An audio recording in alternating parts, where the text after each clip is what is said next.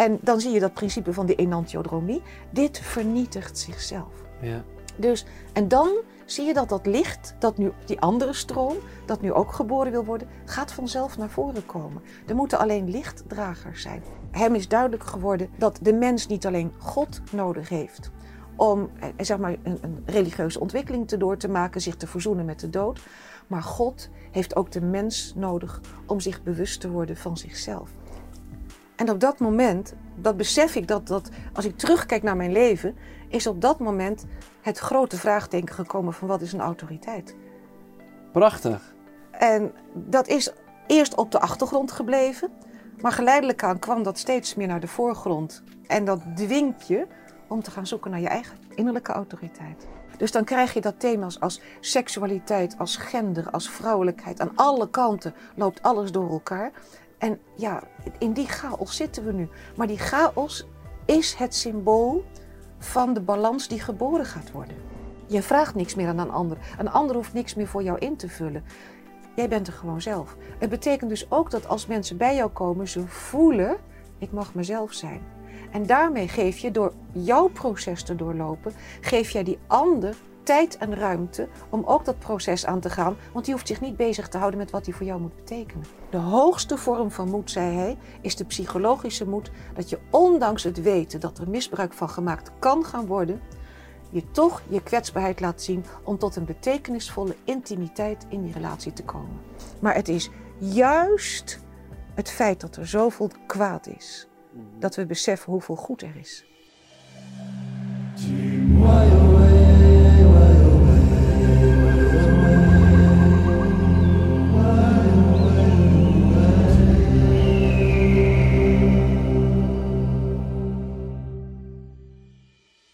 Beste mensen, welkom bij weer een nieuwe aflevering van Tijdboek Lumens Podcast. Een van de laatste afleveringen van het jaar voordat wij met winterstop gaan. En daarvoor hebben wij een hele bijzondere gast vandaag. Niemand minder dan Karen Hamaker Zondag. Die zal ik straks voorstellen. Uh, eerst even dit. Mocht je waarderen wat wij maken, ga naar onze website www.tijdboeklumens.nl voor meer van dit soort content. Teken ook onze petitie voor het verdwenen kind die we hebben lopen. Um, uh, Lumens draait op donaties en boekverkopen. Uh, dus dank daarvoor voor de mensen die ons daarin steunen of gaan steunen. En nou, dat was het wel, denk ik. Laten we lekker naar het gesprek gaan. Uh, we zijn in de studiekelder van Karen Namaker Zondag. schrijfster van vele boeken. Nou ja, voor veel mensen behoeft de intro al niet eens meer. voor de mensen die jou nog niet kennen termen als Jungiaans psychologe. En onlangs heb je een nieuw label gekregen. De Nederlandse moderne mysticus. Sanne Burger heeft jou geïnterviewd uh, voor ons uh, nieuwste boek, wat in het voorjaar uitkomt, met als thema waarnemen. En uh, ze was helemaal ondersteboven van dat gesprek. En nu zitten we hier weer voor een opname dan met onze podcast. Ja. Dankjewel dat wij hier kunnen zijn. Welkom. Ja, um, in aanloop hier naartoe, wij wisten ook echt niet waar we in godsnaam moeten beginnen bij jou, want er is zoveel. En nou, ik duik daarom ook graag gelijk maar de, de diepte in. Ik heb jou een keertje in een gesprek, in een interview horen zeggen dat jij heel graag weet hoe het zit. En dat je blijft graven totdat je weet hoe iets zit. Nou, wat ik me dan afvraag, uh, waar ligt jouw grens daarin? Heb je het, het, diepste fundament ontdekt wat achter alles zit? Wat, wat, waar, waar, waar, ja, wat, waar ben je op uitgekomen? Elke keer wanneer je denkt van, nou het kan niet gekken, ja. Uh, ontdek je weer wat nieuws. Ja, precies. Daarom dacht ik, ik ga hem vragen. Nee, het is, het, het is een, een, een, voortgaand proces. En dan, dan lees je iets en dan uh, ga je er verder op in. En dan denk je van, oké, dus zo zit het in elkaar. En dan lees je een voetnoot waarnaar een boek wordt verwezen. Dan koop ik dat boek. Ja. Uh, en godzijdank, ik kan hier echt niks meer bij. Dus ik heb heel veel eh, boeken die ik uh, nu gewoon als, als e-book heb, et cetera. Maar dan ga ik daarin verder. En dan denk je van, maar, maar dit is weer een andere dimensie. Hier zit, hier zit een twist in. Hoe zit dit dan weer?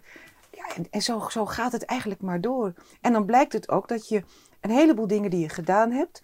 Uh, waarvan je dacht van, nou dit plaatje is nu wel zo'n beetje rond komt er een laag overheen of nog een laag achter. Ja. Dus het blijft een zoektocht. Ja, en, en waar houdt dat op? Ik weet het niet. Hoeft voor mij ook niet op te houden, want ik vind het veel te leuk om te doen. Ja, nou, ik heb er zelf al een idee bij waar dat, waar dat ophoudt. Eh, Dat je echt bij, eh, je gaat telkens kom je bij een bron van iets. En ja, in mijn ogen kom je dan uit bij de bron. Eh, de schepper of iets. Geloof jij daarin? Ehm, niet in de vorm van een man met een lange baard op een wolk, om het maar even heel plastisch Mhm. te zeggen. Maar ja, dat er een kracht is die veel groter is dan wij zelf. Die deel is van onszelf en waar wij een expressie van zijn. Ja, Ja. Ja. Ja. ja, en wat ik zelf steeds meer ontdek is dat eigenlijk zonder dat besef blijf je naar een soort theaterstuk kijken. Weet je, dus je, je wil straks graag weten wat zit erachter. Hè? Wie bestuurt het theaterstuk? En het is laag op laag op laag.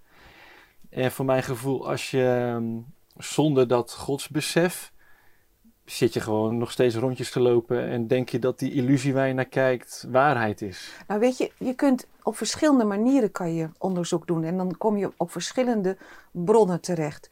Als ik kijk naar mijn historisch onderzoek naar machtsstructuren, dan kom je uiteindelijk terecht bij simpelweg de menselijke natuur.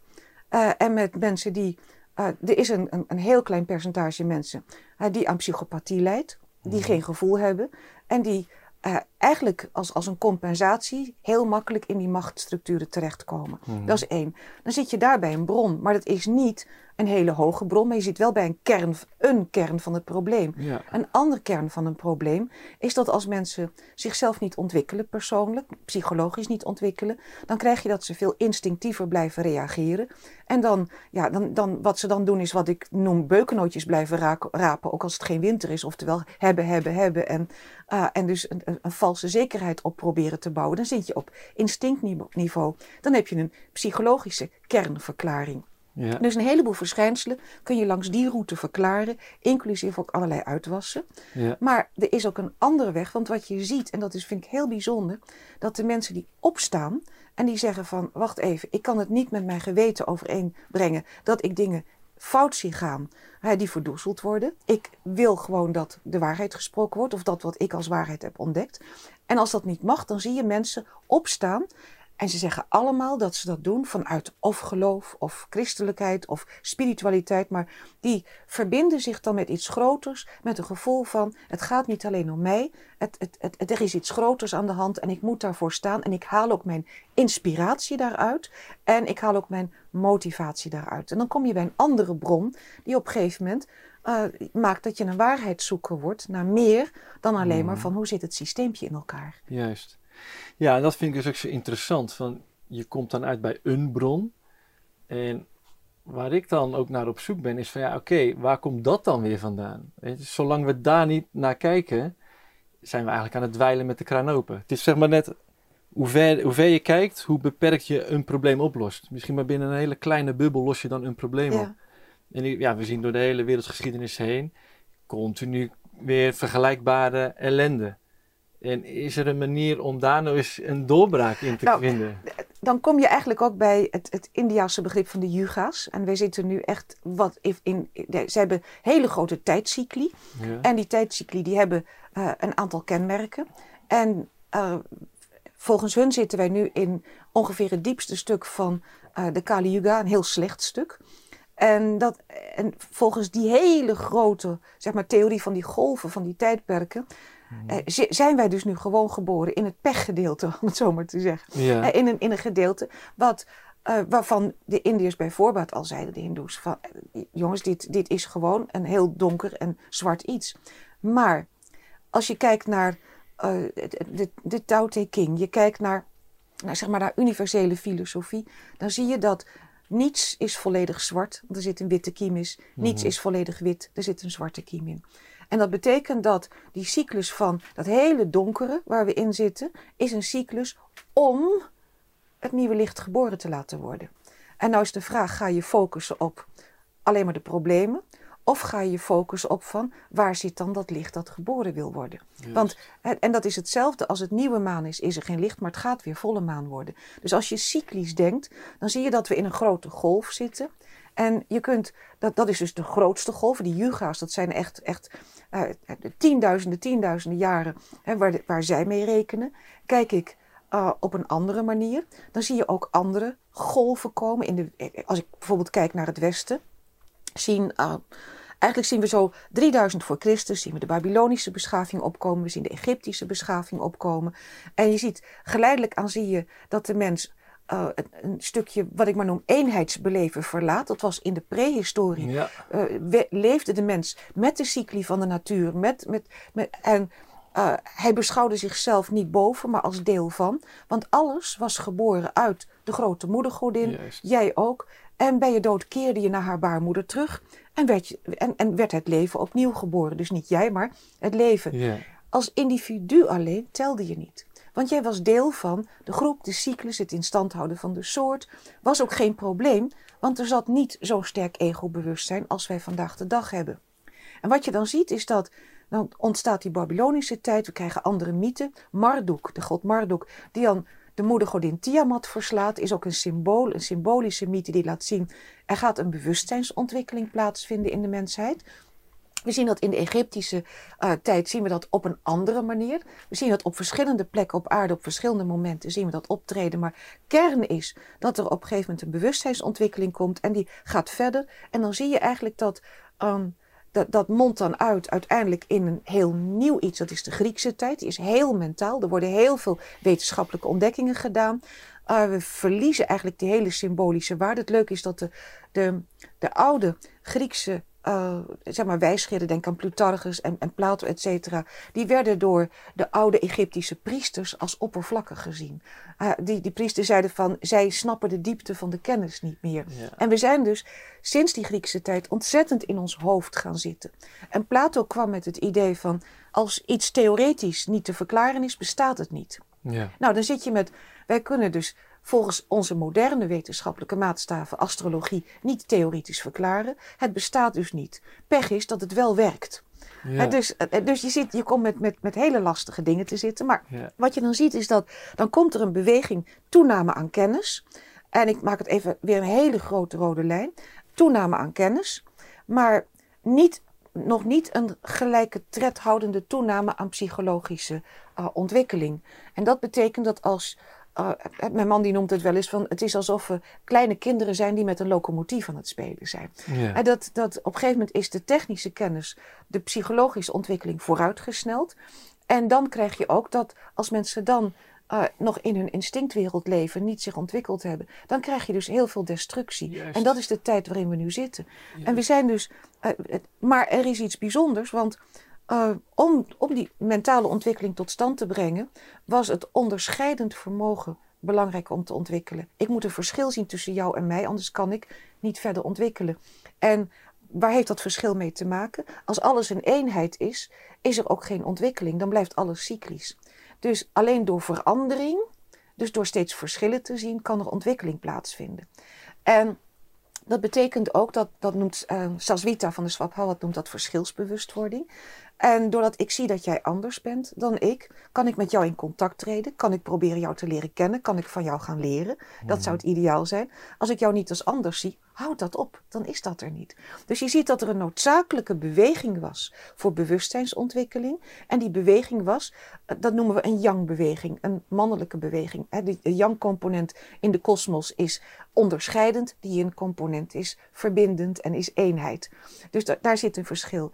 En we zijn eigenlijk in die ontwikkeling zo vermannelijkt, zo, zozeer in yang gaan zitten, dat de vrouwelijke waarden helemaal naar de achtergrond zijn geschoven. En dat heeft zich ook vertaald in onderwaardering van de vrouw, geen vrouwelijke waarden in de cultuur. Um, uh, alles wat met het vrouwelijke te maken had, van genieten tot seksualiteit, dat was opeens taboe of slecht, et cetera. En in die, in die ontwikkeling van dat bewustzijn, dat op zich een noodzakelijke ontwikkeling was. In die ontwikkeling zien we dat die vrouwelijke waarden zijn achtergebleven. En die willen nu weer terugkomen. Dus we zien, uh, we zien in die, in die Indiaanse ontwikkeling dat we in het donkerste zitten. En we zien in zeg maar, de Europese ontwikkeling, de, de, de westerse mens, zien we dat die komt uit nog een, een heelheidsbeleving, een eenheidsbeleving. Dat gaat langzamerhand verloren eind Babylonische tijd, eind Egyptische tijd. Wordt de Griekse tijd in ons hoofd gaan zitten. En ondanks dat er nog een heleboel kerkgeschiedenis tussen zit, zijn we toch in ons hoofd gebleven. We hebben een even een slag gemaakt tot het jaar 1000. Hè. Dus hebben tijd de donkere middeleeuwen gehad. Toen was er even wat minder kennis, maar toen pakten we de kennis weer op uit die oude Griekse tijd. Toen kwam de tijd van de verlichting. Descartes die zegt, ik denk dus ik besta. Ja. Dus nou, meer in je hoofd kan niet. En het feit dat die verbinding met het leven eigenlijk al verloren aan het gaan was, was Descartes, eh, na hem, die hele ontwikkeling, gaf de natuurkunde, de wiskunde, die liet zien van we hebben God niet meer nodig. Dus eh, God exit, de mens begon zichzelf als belangrijker te zien. En Descartes had een mentale redenering, zo van eh, alleen mensen die kunnen denken zijn, zijn, zijn wezens die, die, die van belang zijn, zijn wezens die ook gevoel kunnen hebben. Eh, dieren zijn als het ware motoren die kunnen blaffen of die kunnen janken of die kunnen wat dan ook. En die kunnen we dus gewoon, daar kunnen we experimenten op doen zonder ze te verdoven. Hmm. Want daar werd het huilen van een hond waar ze op experimenteerden, werd als een biologische reflex gezien. Ja. En dus we zijn eigenlijk sinds die tijd zo ver van het leven vandaan gekomen. Dat we milieuverontreiniging zagen, dat we misbruik van hulpbronnen zagen. eh, allemaal van dat soort dingen. Dus we zijn doorgeschoten in die ontwikkeling. Dus aan de ene kant zie je dat het geleid heeft tot een, een, een, een, categorie mensen die echt een enorme bewustzijnsontwikkeling heeft doorgemaakt. En echt gewoon, nou, om te zoenen zijn, bij wijze van spreken. Mhm. En anderzijds zie je dat er een grote groep mensen is die onbewust gebleven zijn, relatief onbewust in deze ontwikkeling. En dus instinctiever zijn, makkelijker misbruik maken. Maar er is geen balans in onszelf meer tussen mannelijke en vrouwelijke waarden. Dat moet terugkomen. En wat nou zo bijzonder is, is dat we zitten nu in een soort van, ik noem het maar een soort eindtijd. En dat wanneer jij werkelijk verbonden bent, spiritueel bent, kan jij geen atoombom ontwikkelen. Hmm. Kan niet. Nee. Dus, dus, eh, maar als je, als je helemaal bezeten bent van techniek, maar je hebt een gebrek aan persoonlijkheidsontwikkeling, dan, dan, dan is voor jou alleen maar belangrijk om dat patent op je naam te krijgen of eh, eh, noem maar op. En dan sta je zelfs niet meer stil bij wat de gevolgen ervan Ja. zijn. En wanneer je dus in een machtshouding gaat zitten, ook doorgeschoten, Yang, hè, dan kan je het makkelijk als wapen gebruiken. Dat is wat we in onze tijd zien. Maar wat we in onze tijd zien, is een zo doorgeschoten eenzijdigheid, dat er automatisch een wetmatigheid is. Dat noemt Jung de wet van de enantiodromie. Alles dat doorgeschoten is, slaat om, is een tegendeel. En daar zitten we nu. Dus waar we nu zitten is een. Eigenlijk, weet je, eh, Jung die heeft op een gegeven moment het boek Job beschreven. Mhm. En eh, Job uit de Bijbel. Job uit de Bijbel. En hem is duidelijk geworden dat de mens niet alleen God nodig heeft om eh, zeg maar, een, een, een, religieuze ontwikkeling te door te maken, zich te verzoenen met de dood. Maar God heeft ook de mens nodig om zich bewust te worden van zichzelf. Dat vind ik zo mooi, zo mooi. Want het betekent dat als wij ons echt bewust worden van wie we zijn, onze heelheid terugkrijgen, dat wij daarmee überhaupt de bewustwording van het leven, de bewustwording van de kosmos, een stapje vooruit helpen. Dat is de prachtige kant die zich nu Ja. gaat ontwikkelen, omdat er bewustzijnsontwikkeling was. En daarnaast zien we die negatieve kant, hè, die veel meer op de voorgrond treedt. En dat kun je veel meer terugvinden in het boek Henoch. Dat heeft Jung ook op een eigen manier geduid. He, op boek Henoch, dat gaat over de gevallen engelen. En en engelen die God verlieten en zich verlustigden in de vrouwen op aarde. Hè, daarmee sliepen en een reuzenras. Staat eh, ook in de eh, Bijbel, Ja, ja. het staat ook in de Bijbel. Een reuzenras eh, werd daaruit geboren dat de, de destructie van de aarde tot gevolg had. Nou, Jung die zegt, dit moet je symbolisch zien. Wat zijn gevallen engelen? Dat zijn doorbraken uit het collectief onbewuste. Van kennis die groter is dan jij als mens eigenlijk kunt behappen. Bij wie breken dit soort dingen door? Bij mensen met een onvoldoende persoonlijkheidsontwikkeling. En wat zijn die doorbraken? Hij zegt, nou in de Griekse tijd zag je dat. Hij zei van de doorbraken waren een enorme toename aan kennis. Zonder dat de persoonlijkheidsontwikkeling, wat ik net al zei, daar gelijke tred mee hield. Dus dan krijg je makkelijk misbruik van kennis. Ja. En wij leven nu opnieuw in een tijd van het boek Henoch. Onze kennis is vertigvoudigd sinds de Griekse tijd. Maar de mensen die aan de top staan, daarvan is een groot deel dat niet de gewenste persoonlijkheidsontwikkeling heeft om met die kennis om te gaan. Ja. En dat betekent dat wij opnieuw een destructief reuzenras zijn geworden. Ja. En dan zie je dat principe van die enantiodromie. Dit vernietigt zichzelf. Ja. Dus, en dan zie je dat dat licht, dat nu die andere stroom, dat nu ook geboren wil worden, gaat vanzelf naar voren komen. Er moeten alleen lichtdragers zijn. Dus mensen die hun mond durven open doen. Ja. Wauw. Te gek. Nou, dat was vraag 1. Ehm, ik, ja, ik leg, me, ik leg hem even aan de kant. Want, ja, wauw. Eh, waar ga ik op in? Weet je, dit is echt... Nou, ik, ik heb zelf wel eens visioenen gehad. De kijkers van, van Lumens die weten dat inmiddels wel, want dat haal ik regelmatig aan. En een van de dingen die je aanhaalt, dat heb ik zelf eh, letterlijk gezien. Dat nou, in de schepping zijn wezens met een bepaald bewustzijn en bepaalde gaven, bepaalde creatieve krachten. En als die uh, mogelijkheden groter zijn dan het bewustzijn, kan dat heel destructief zijn. Ja, Want het bewustzijn weet niet wat het allemaal aanricht. En daarom is er ook een heilige, destructieve kracht in de kosmos, in de schepping, om dat weer te balanceren, ja. zodat het geheel in balans is. En als ik dat dan vertaal naar deze tijd, hè, want iedereen kan intappen op die krachten. Als ik dat dan vertaal naar deze tijd, dan zie ik de, dat de machtsstructuur ook intapt op die destructieve powers om te balanceren. Om dat wat niet dient recht te zetten. Ja, als je, als je het vanuit een metaperspectief bekijkt, dan zie je dat op een bepaald moment het, het lijkt alsof het kwaad er moet zijn ja. om het licht geboren te laten worden. Juist. En, maar zeg dat maar tegen iemand die zijn energierekening niet kan betalen. Ja. En dat, dat is gewoon het pijnlijke. Dus het zit op een Ja. heleboel verschillende niveaus. Dus je moet, je moet dus ook op een ander niveau gaan kijken. Zo van, wat is er gebeurd? En eh, ik hou me altijd verder van schuld geven en dat soort dingen. Want er is een enorme ontwikkeling geweest. En die ontwikkeling wil zeggen van, toen... eh, eh, toen in feite die, die vrouwelijke waarde langzamerhand van het toneel verdween. Het begon rond 1500 voor Christus. En met de val van Kreta begon dat eigenlijk in te zetten. En het werd vanaf dat moment eigenlijk steeds erger. De kerk heeft er ook een enorme rol in gespeeld. Hmm. Met die ontwaarding van het vrouwelijke. Maar dat betekent dat als het eeuw na eeuw na eeuw doorgaat. Dat mannen nooit een echte vrouw hebben meegemaakt. Die staat in haar kracht. En toch die heelheid en die verbinding brengt. En die man kan helpen bij zijn eigen ziel te komen. Ja. En daardoor is die man uit balans geraakt. Ja. Maar die man heeft daardoor ook, door zijn onbalans, die vrouw niet kunnen helpen Ja. om haar innerlijke kracht gewoon te ontdekken en te gaan staan. Dus een heleboel mannen worstelen vandaag de dag met die pijn. En als ze die pijn niet snappen, dan is, een, is het in onze cultuur heel makkelijk om dan te, proberen meer bonussen na te jagen of een goede positie te krijgen of Ja. wat dan ook. Dus uh, proberen om dat gat te dichten op een plek waar de honger blijft bestaan. Omdat er een, het is een zieleschreeuw die er op dit moment is. Ja. En wat je ziet is dat heel veel vrouwen, vrouwen hebben heel snel minderwaardigheidsgevoelens. Die slepen gewoon twintig eeuwen van, van, van afwijzing van het vrouwelijke met zich mee. Waardoor ze ook niet geleerd hebben om zichzelf als waardevol te zien. Dus die, die, die stappen heel snel van, oh sorry, of, of, of Mhm. dat soort dingen. Het cijfert zichzelf weg. Ja, en, en of wat je ziet is dat er een type vrouwen komt dat dan eh, echt probeert om in die kracht te staan, maar het risico loopt eh, dat die kracht nog niet echt gesetteld zit van binnen en dat het een mannenimitatie wordt, waardoor het niet echt voelt. Ja. En ze dus ook niet echt kan gaan staan. Ja. En eh, dus waar we zitten is in een, in een eeuwenlang proces dat in ieder van ons werkt, dat ons allemaal uit balans heeft gebracht. Hmm. En dat dus maakt dat we zoekend zijn geworden. En de kerken zijn leeggelopen. Eh, echt als het gaat om innerlijke spiritualiteit aanbieden.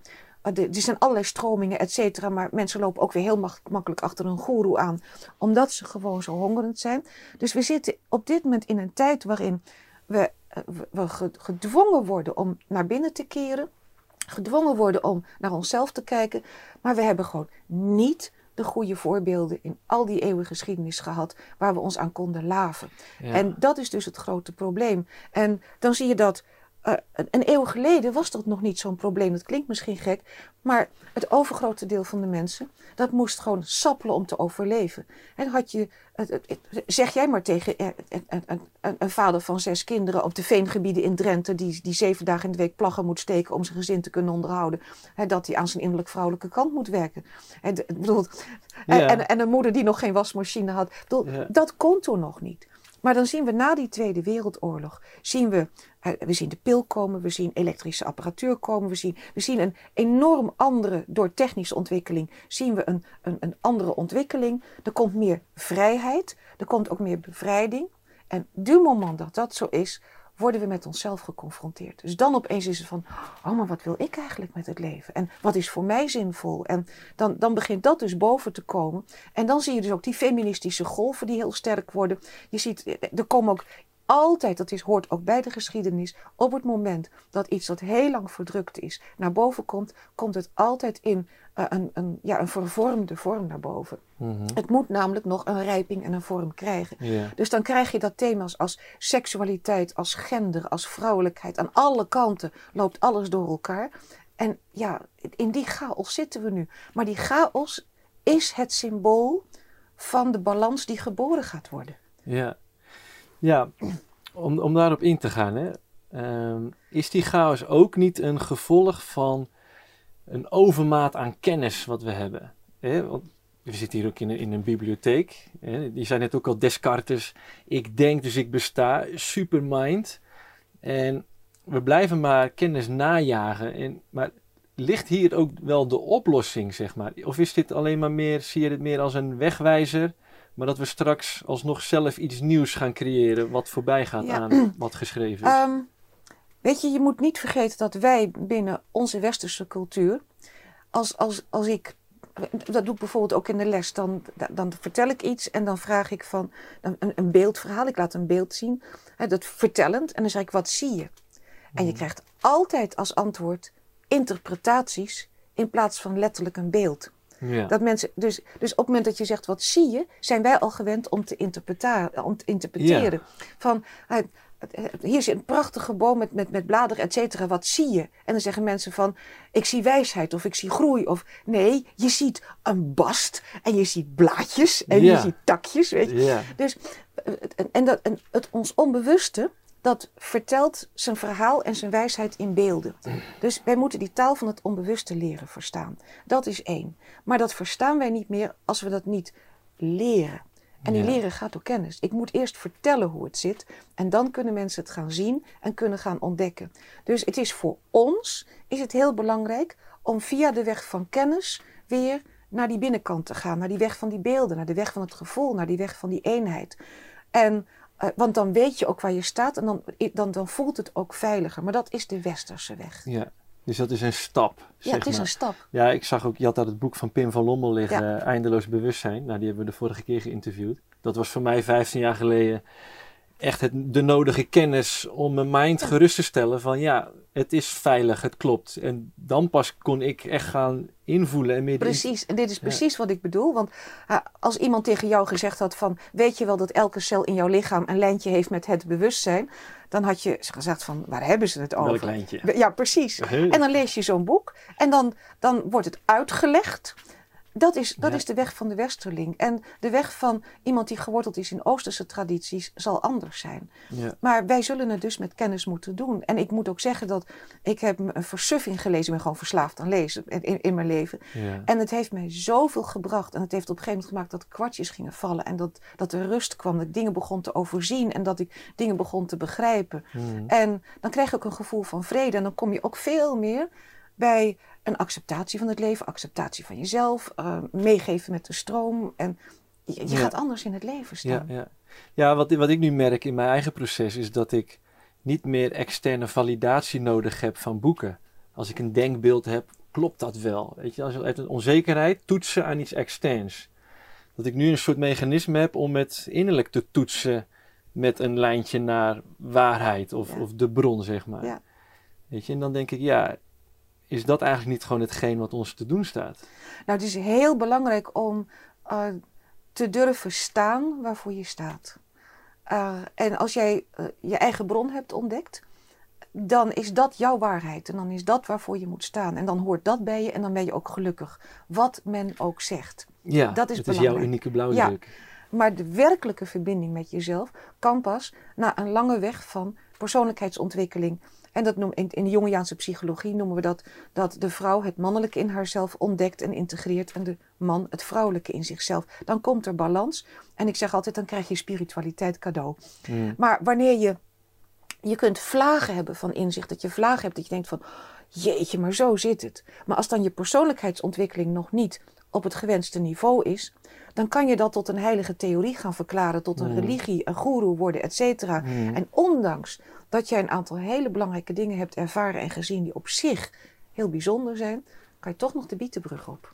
Ja, nou, ik, ik denk, nou, het is vooral aan de kijker om dat te beoordelen, maar ik denk dat we tot nu toe heel helder uitleggen. Ook wat je net al zei, hoe heet dat? Karel Jugas? Nee, Kali Yugas. Kali, Kali Jugas. Kali Yugas. Kali Ja, Jugas. Karel Jong is wat Ja, anders. ja, ja, alles gaat door Ja. heen, al die kennis, eh, duizelt. maar eh, het komt en gaat. En Ja. ook wat Jung zei, er komt altijd weer een compensatie. Ja, de enantiodromie. Ja. Ja. Weet je, kunnen we daar ook niet een enorme berusting in vinden? Dat het moment waar we nu in leven, het moment, maar ook deze jaren, het is onvermijdelijk. Ook hier zeg ik weer ja en nee. Het, is, het heeft altijd twee kanten. Ehm, ik heb op een bepaalde manier een berusting in de zin van... ik ben deel van deze tijd en ik zie dat het eindtijdverschijnsel heeft... en ik zie de cycli die hier naartoe geleid hebben. En ik sta hier nu en dit is wat het is. Dit is mijn alchemistisch werk wat ik moet gaan doen. Ja. Maar berusting betekent niet passiviteit. Nee. Want eh, die berusting moet juist het motief zijn om zo objectief mogelijk te kijken wat jij met jouw talenten, waar jij voor in die wieg gelegd bent, kunt bijdragen om de kar vlot te trekken. Precies. Ja, ja, weet je, voor mij betekent het wel echt de wereld van verschil. Weet je, kom ik vanuit een boze kracht, Ja. wil ik iets veranderen, of kom ik vanuit een kalme kracht? Ja, Die- maar het is, het is om, de dooi, om de dode dood niet makkelijk om uit die boze kracht te komen, omdat de dingen komen heel dichtbij. Als jij straks, omdat je toevallig een tegengeluid geeft, geen bankrekening meer krijgt, Mhm. En dan, ja, probeer dan maar niet boos te zijn. Wanneer jij, kom ik weer, je elektriciteitsrekening niet kunt betalen, omdat onze heren en dames politici gewoon in bepaalde idee zitten. Ja. En dan, eh, probeer dan maar niet boos te zijn. Ik bedoel, het, voor veel mensen zal deze eindtijd echt hele grote consequenties hebben. En de berusting zal dus een berusting moeten zijn dat je eh, niet vecht met de wapenen waarmee de oude garde vecht. Juist. Maar dat je, dat, dat, dat je berust dat dat doodloopt. Maar dat je zoekt naar nieuwe wegen om te gaan bouwen, zoals ik het altijd noem. Ja. ja, wat ik zelf heb gezien, en dat is echt mijn verhaal, wat voor mij waar is, hè, maar dat laat ik echt aan anderen of dat resoneert met ze of niet. Deze tijd gaat nog zo heftig worden. Ja. En mensen vinden het helemaal niet leuk als ik dat zeg. Dan zeggen ja, wat je aandacht geeft groeit. Dan denk ik, ja, als je huis in brand staat, ga je het ook blussen. Ja, Ja, nee, maar dan geef je het blussen aandacht. Ja, nee, sorry. Wat groeit er dan als je het blussen aandacht geeft? Dan groeit er nog steeds niks. Weet je, ik vind dat dit eh, gezegd mag worden. Het voelt voor mij ook echt iets om te delen. Maar het is niet om angst aan te jagen. Het is juist om te bekrachtigen. Je weet ook dan wat er op je afkomt. Maar dat het zo'n noodzakelijk kwaad is. eh, om letterlijk iedereen op aarde het vuur aan de schenen te leggen. Om echt dat bewustzijnsproces te triggeren en aan te, aan te gaan. In plaats van in die comfortzone te blijven hangen. Waarin we zo gepamperd en gewatteerd zijn. Ja dat, is, dat is één weg. Ehm, je kunt het ook op een, op een andere manier bekijken. Ehm, we leven in een hele, ja, zeg, een hele moeilijke tijd. mhm. Eh, mijn weg is die van begrijpen hoe deze tijd tot stand is gekomen. Ja, ik ben dan wel gek op geschiedenis. Dus, Ja, dat hele, dus die, die lijnen van hoe dat kon, hoe, hoe, hoe, het ging met de ontwikkeling van de wereld van het geld, hoe het ging met de ontwikkeling van de wereld van de macht. En Jung die heeft altijd gezegd van, ik kijk eh, de schaduw liever in het gezicht dan dat hij me in de rug aanvalt. Juist. Dus ik wil zien waar zit het hem? Hoe is het opgebouwd? Eh, Wat gebeurt er? Maar dan ga je ook de zwakke plekken zien. Dan ga je ook zien eh, wat de verdere ontwikkelingen zijn. En waar, waar we nu zitten, dat is eigenlijk in de laatste stuiptrekkingen van die macht. En wat, wat je ook consequent in de hele geschiedenis ziet, en dat vind ik zo fascinerend. En daarom heb ik in een andere podcast met Marlies Dekkers al gezegd van de macht is bezig gewoon zichzelf af te breken. Ja, En moet je nu kijken wat er gebeurt. Dan zien we dus dat er is een klimaatagenda gekomen. En die klimaatagenda, eh, daar zit nog een agenda achter. mhm. En die agenda daarachter is de agenda die al een paar eeuwen in opbouw is. Daar heb ik alle documentatie over. Dat er groepen zijn die één wereldregering willen. En die dus een probleem willen constelleren waar een land niet meer een oplossing voor heeft. Mhm. Maar één wereldregering betekent eh, dat ook Rusland en China mee moeten doen. Hmm. Dus die moeten aan de beurt zijn op een bepaald moment om, eh, om gepakt te worden. En als ik dan zie dat cyclusonderzoek van Martin Armstrong een paar decennia geleden al heeft gezegd: als ik kijk naar de oorlogscyclus en naar cyclusonderzoek, dan kom ik uit bij Oekraïne. Mhm. En kijk eens waar we nu zitten. Ja. En Oekraïne is eigenlijk het, de, de veldslag tegen Rusland. Om, om te kijken of je Rusland klein kunt krijgen. Ja. Nou, dat is een apart verhaal. Daar zal ik nu niet op ingaan, want dat is een, een verhaal op zich. Maar wat je nu ziet, is dat eh, die klimaatagenda heeft dus ook de bedoeling om Rusland uit zijn winsten van de olie te halen. Dat die olieproductie daar stopt. Mhm. Uh, wij moeten dus ook helemaal van olie en gas af als klimaatagenda. En wat je dan ziet, is dat zij beginnen, die Oekraïne-oorlog, want ze schoven steeds verder dicht, eh, richting Rusland, dat zelfs Paus Franciscus zegt van hij is uitgelokt. Die oorlog komt dan en dan zie je dat de energiestructuur zo in elkaar stuikt, dat ze in Duitsland alweer meubels aan het stoken zijn om het nog warm te krijgen. En dus Nu al. en nu al. En dus nu al weer een heleboel de lucht in gooien aan vervuiling. Waar de hele klimaatagenda tegen was. Dus dat is wat ik steeds zie. En er zijn heel veel verhalen achter Oekraïne, heel veel verhalen achter klimaatagenda. Mhm. Valt ook veel over te vertellen. Maar wat ik nu wil laten zien is dat ze proberen één middel te nemen om dat als vehikel te gebruiken. Om de controle te krijgen. En in de stappen die ze zetten, zetten ze stappen waarmee ze eigenlijk de hele boel zelf onderuit aan het halen zijn. Ja. En, en, dus, en wat gaat er gebeuren als zometeen een heleboel mensen gewoon echt geen kant meer op kunnen? Dan krijg je gewoon opstanden. En is iemand dan nog bereid om mee te doen met CO2-reductie, et cetera? Dan zie je gewoon een twee stromen. Dus er- gaan dingen komen. En dat is wat ik zie komen. Dat op een gegeven moment er, er door steeds maar zeg maar vanuit een tunnelvisie. Oh, we moeten deze maatregel nemen, want Rusland. We moeten dit nemen, want klimaat. We moeten dat, want. En dat ze niet zien dat dit beïnvloedt dat en dat beïnvloedt dat. En dit is dat eenzijdige yang-denken. Dat alleen maar, ik zie één probleem en ik zie één oplossing en ik ga die kant op. Ja. En het heelheidsdenken van Yin zegt van, maar wacht even, alles hangt samen. Dus wat doet dit voor dat? Wat doet dat voor dat? En wat doet dat voor de zesde generatie die na ons komt? Ja. Dat is een andere vorm van denken. En ik zie dus nu dat die ontwikkelingen, die is, die is eigenlijk al een eeuw bezig, dat er steeds meer dingen gebeuren waardoor je die kant op gaat en, en beslissing A neemt, beslissing B hier, beslissing C hier en nog veel meer. En het is nu een puinhoop aan het worden. Ze zijn nu Ja. elkaar allemaal negatief aan het beïnvloeden. En dat is net begonnen. En dat vind ik zo belangrijk dat je dat historisch onderzoek doet. Dat je ziet welke lijnen er lopen, welke beslissingen, wat de politiek doet, et cetera. En dan de processen ziet, de dynamieken ziet en denkt van... Oké, nu ga ik daarboven hangen. Wat doet dit met dat en wat doet dat met dat? Ja. En dan zie je het en denk ik van ja, dat is dus... Mijn conclusie is, ze ondergraven zichzelf. Ja, nee, dit is, dit is, ik hou van die aanpak. Dat is ook ons idee geweest met deze podcast. Dat we blijven graven naar het kloppende fundament. Weet je, wat zit daar nou achter? In plaats van alleen maar het probleempje bestrijden. Ja. Zonder ogenschouw te nemen voor het grotere geheel waar het in zit. Je blijft dweilen met de kraan Ja, open. precies. Zit je daar je leven aan te wijden en je, je draait je om en het is alweer eh ellende bij wijze van Ja. spreken. Of een generatie na ons kan het weer. Weet je, dan ga ik liever in mijn hangmat liggen. Ja. Als dat het is, Ja. weet je. Maar ik word hartstikke enthousiast van dit allemaal doen. Maar eh je haalde net het concept geld aan, het geldsysteem. Dat is ook zo'n ding wat ook zo diep fundamenteel zit in het kaartenhuis, in mijn ogen. Mhm. En dat is ook duizenden jaren geleden al, al ja, geïntroduceerd. Hè? Ook de Romeinen liepen al met, met muntjes en zilverstukken en, Ja, en maar, noem de- maar op. weet je, geld is gewoon een heel zinvol ruilmiddel. Mhm. Gewoon absoluut zinvol ruilmiddel. Dus mm, ik heb niks tegen geld. Alleen de manier waarop het geldsysteem georganiseerd is. Kijk, wat, wat, was, wat was er vroeger het geval? Dat, eh, ik noem maar wat, eh, in het Midden-Oosten. eh, de bruidschat, dat was gewoon een hoeveelheid kamelen. Ja, Ja, nou, er zal maar een kameel onderweg doodgaan.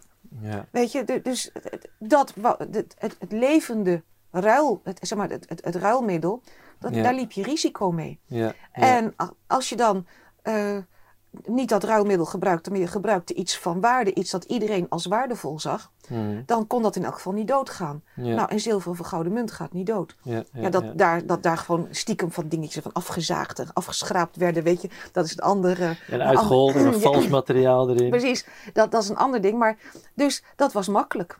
En, maar op een gegeven moment, dat kan natuurlijk ook gestolen worden. Ja. En op een gegeven moment eh, zagen mensen dat die, die edelsmid, die had, eh, die had mooie kluizen.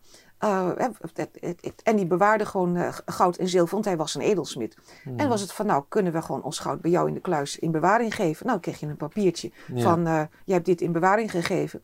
En in plaats van dat jij naar die edelsmid gaat zegt van, mag ik mijn gouden munten terug, want ik moet die betalen, gaf je jouw ontvangstbewijsje aan die ander. En dan kon die de gouden munten ophalen. En dan had je een transactie gedaan. En zo is heel simpel gezegd papiergeld ontstaan. Dat is op zich prima, Dat had nog een waarde, zolang backup. het gedekt is. Juist. Nou, en dat is dus nu niet meer het geval. Nu zie je dat als jij een hypotheek aanvraagt bij de bank, dan heeft die bank die heeft dat geld helemaal niet. Het is een druk op de knop en er staan opeens een x aantal nullen op je bankrekening. Ja, dit heeft voor mij echt heel lang geduurd voordat ik dit simpelheid tot me kon nemen. Ja. Dit is echt, ik denk dat heel veel kijkers, en ik- heb dat echt meerdere keren moeten lezen. Ik denk, dit klopt niet wat hier Ja, staat. dat maar is echt zo. dat is het. Het is echt zo. Het is een, een, een schuldbekentenis en er wordt geld geproduceerd, Ja. digitaal. Patch. Ja.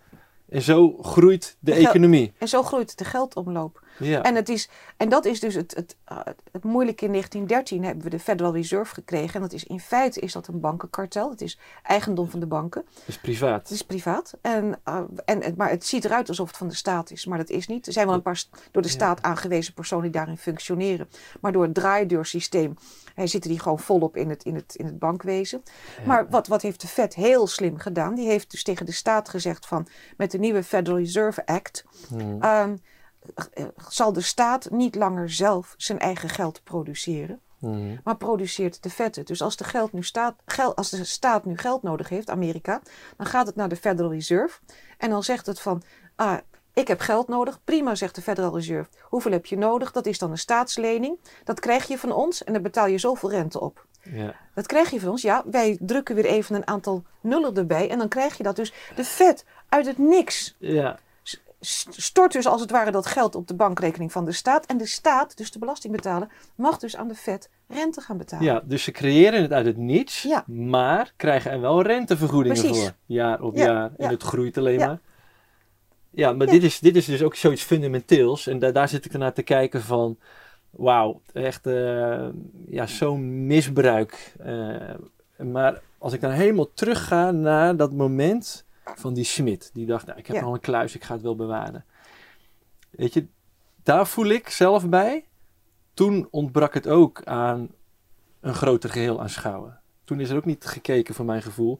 Klopt het concept geld zelf wel aan zich? Nee, maar dat was organisch gegroeid. En als het in een kleine gemeenschap organisch groeit en het functioneert, Ja. geen probleem. Kijk, we hadden toen nog geen wereldhandel. Dus dat, dat was Hmm. lokaal en georganiseerd. Zoals je nu een lokale munt kunt hebben. Ja. Dat, dat functioneert. Maar op een gegeven moment werd dat veel groter. En daar hebben de Tempeliers bijvoorbeeld een heel belangrijke rol in gespeeld. De Tempeliers waren de eerste bankiers, echt Ja. grote bankiers. Wat gebeurt bij die Tempeliers? Dat is ook een verhaal op zich. Dat is echt eh, heel Ja, fascinerend. ja. Die Tempeliers, gewoon een groepje van negen man, dat, dat, dat opgericht was puur om pelgrims te beschermen. eh, rond, rond 1100 zoveel pelgrims te beschermen om naar het Heilig Land te gaan. En we zaten in de tijd van de kruistochten en er was er ook veel oorlog. En die moesten gewoon naar het Heilig Land kunnen gaan, die moesten daar gewoon hun bedevaart kunnen doen. En geleidelijk aan, dat waren dus ridders. En dat werd een religieuze orde, die ook uiteindelijk door de kerk gesanctioneerd werd.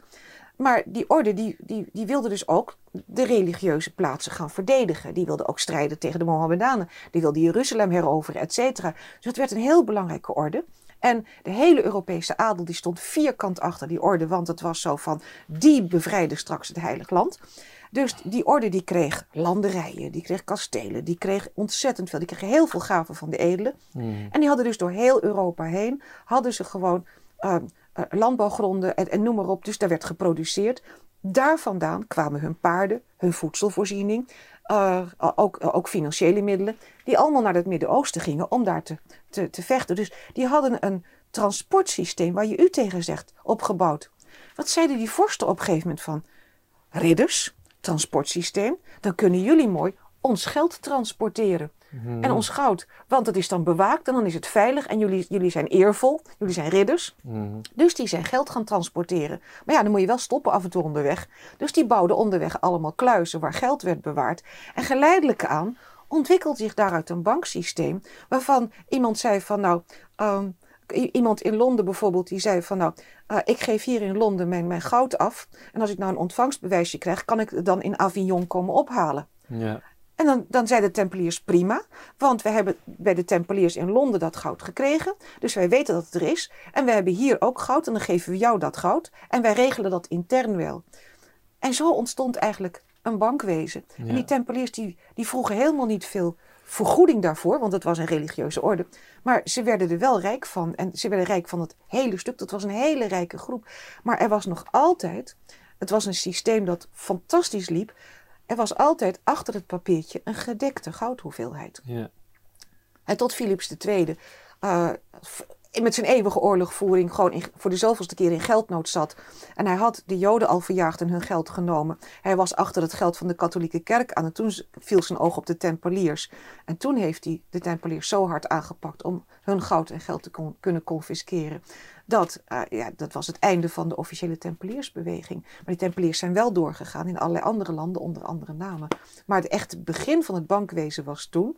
En vanaf het moment dat eigenlijk de Tempeliers met hun religieuze eed daar niet meer mee verder konden, Ja. dan zie je eigenlijk dat de, de Venetiaanse adel ontstaat en de, met, met bankwezen en dat er, dat er overal elders eh, bank, eh, banksystemen gaan ontstaan.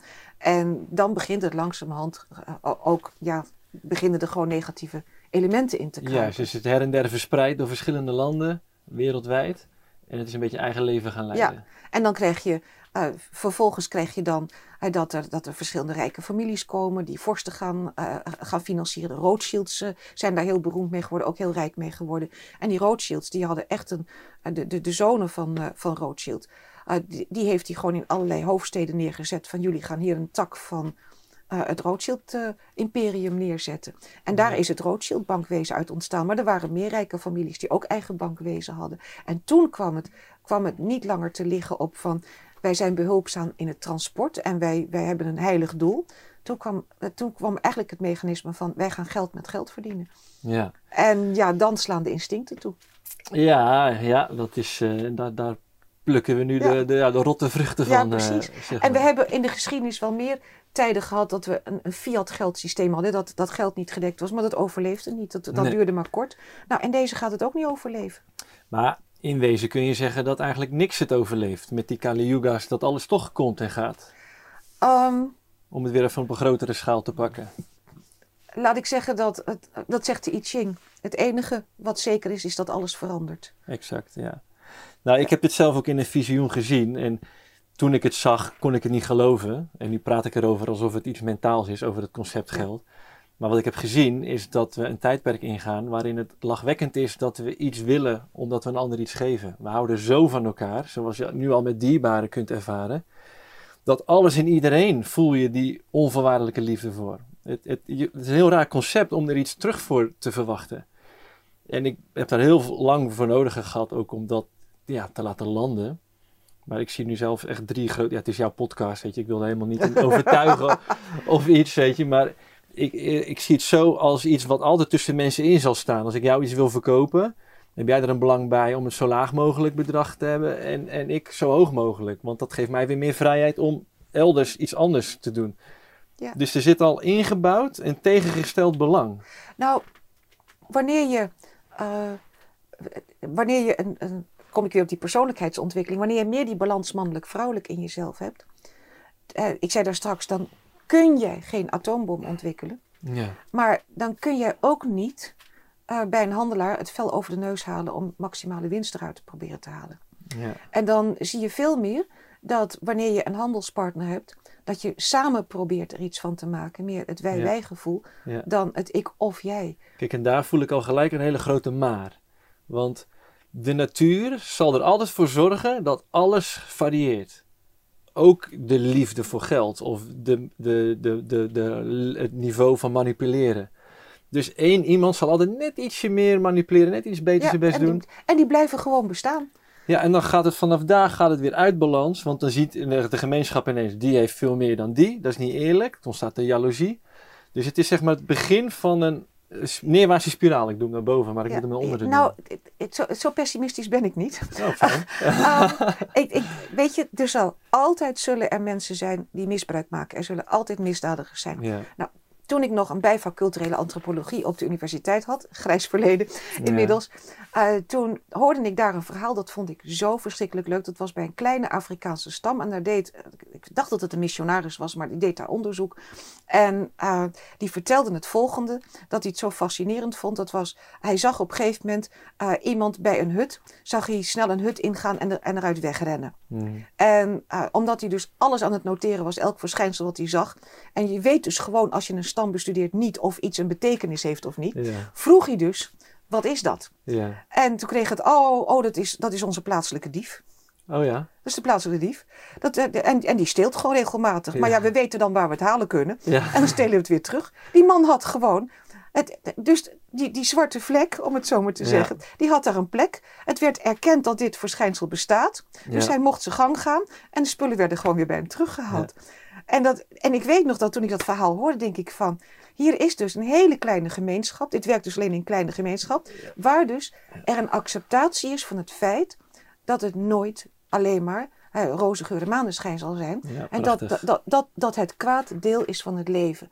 Alleen, het moet eh, als het ware ingekapseld zijn Ja. in, in, een, in een groter geheel. En dat zie je dus ook bij wa- wanneer je dus die oude dorpsgemeenschappen had met eh, nog een hele sterke sociale controle. Dan is die sociale controle niet fijn wanneer je individualistisch bent en anders denkt en andere kant op wil. Maar wat die sociale controle als positieve kant had, dat was dat ehm, de gemeenschap had zijn hele duidelijke normen en waarden.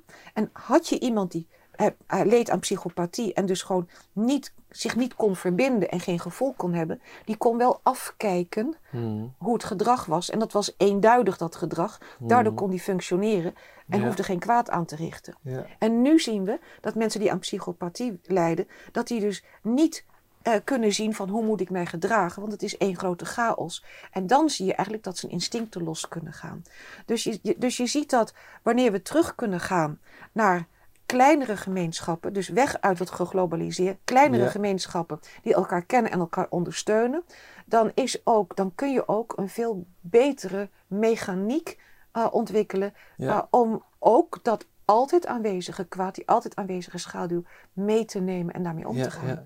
ja, dit was voor mij ook een van de grootste eye-openers van ons eerste eh, Lumens boek. Dat we helemaal geen kuddedieren zijn. We zijn stamwezens. Maar we, we vertellen ons allemaal, tenminste zo ben ik opgevoed, opgegroeid. Ja, we zijn kuddedieren. Daarom wonen we in zulke grote groep in steden. Maar je bent helemaal de verbinding kwijt met elkaar. Je weet bij wijze van spreken nog niet eens. Ik, ik heb negen jaar in Amsterdam gewoond, daarvoor zes jaar Rotterdam. Je weet amper wie je buren zijn. Dus ja, dat is de lokale dief. Ach, hè, we weten wat we Ja, kunnen halen. Dat is totaal weg. Dat, is, tot- dat, is, dat is het probleem dus. Ja, dus Ja. Ik, ik, ik ben wel eh, fan van hoe, hoe Bob de Wit dat noemt. Glokaal leven. Dus het, het globale wel verbonden, maar het lokale is leidend. Dat je elkaar kent. precies. Ja, Precies. Ja. ja. Dat is één van de oplossingen. ja prachtig. Ja. Hey, ehm, ik pak even weer mijn lijstje erbij. Eh, de- deze huidige crisistijd, hè? want het wordt door velen echt als grote crisis gezien. En nou, wat je zegt, het water staat veel mensen al aan de, aan de lippen. In Duitsland worden meubels al verbrand om, om warmte te Ja. stoken. Weet je, maar is het alsnog als vloek te zien of als zegen? Of hoe kijk jij daar tegenaan? Ik denk dat als jij geen eten op je bord hebt, is het gewoon een vloek. Ja, dat, eh, en je moet. eh, ik hou ervan om de dingen vanuit het metaperspectief te bekijken, dus steeds vanuit hoge lagen.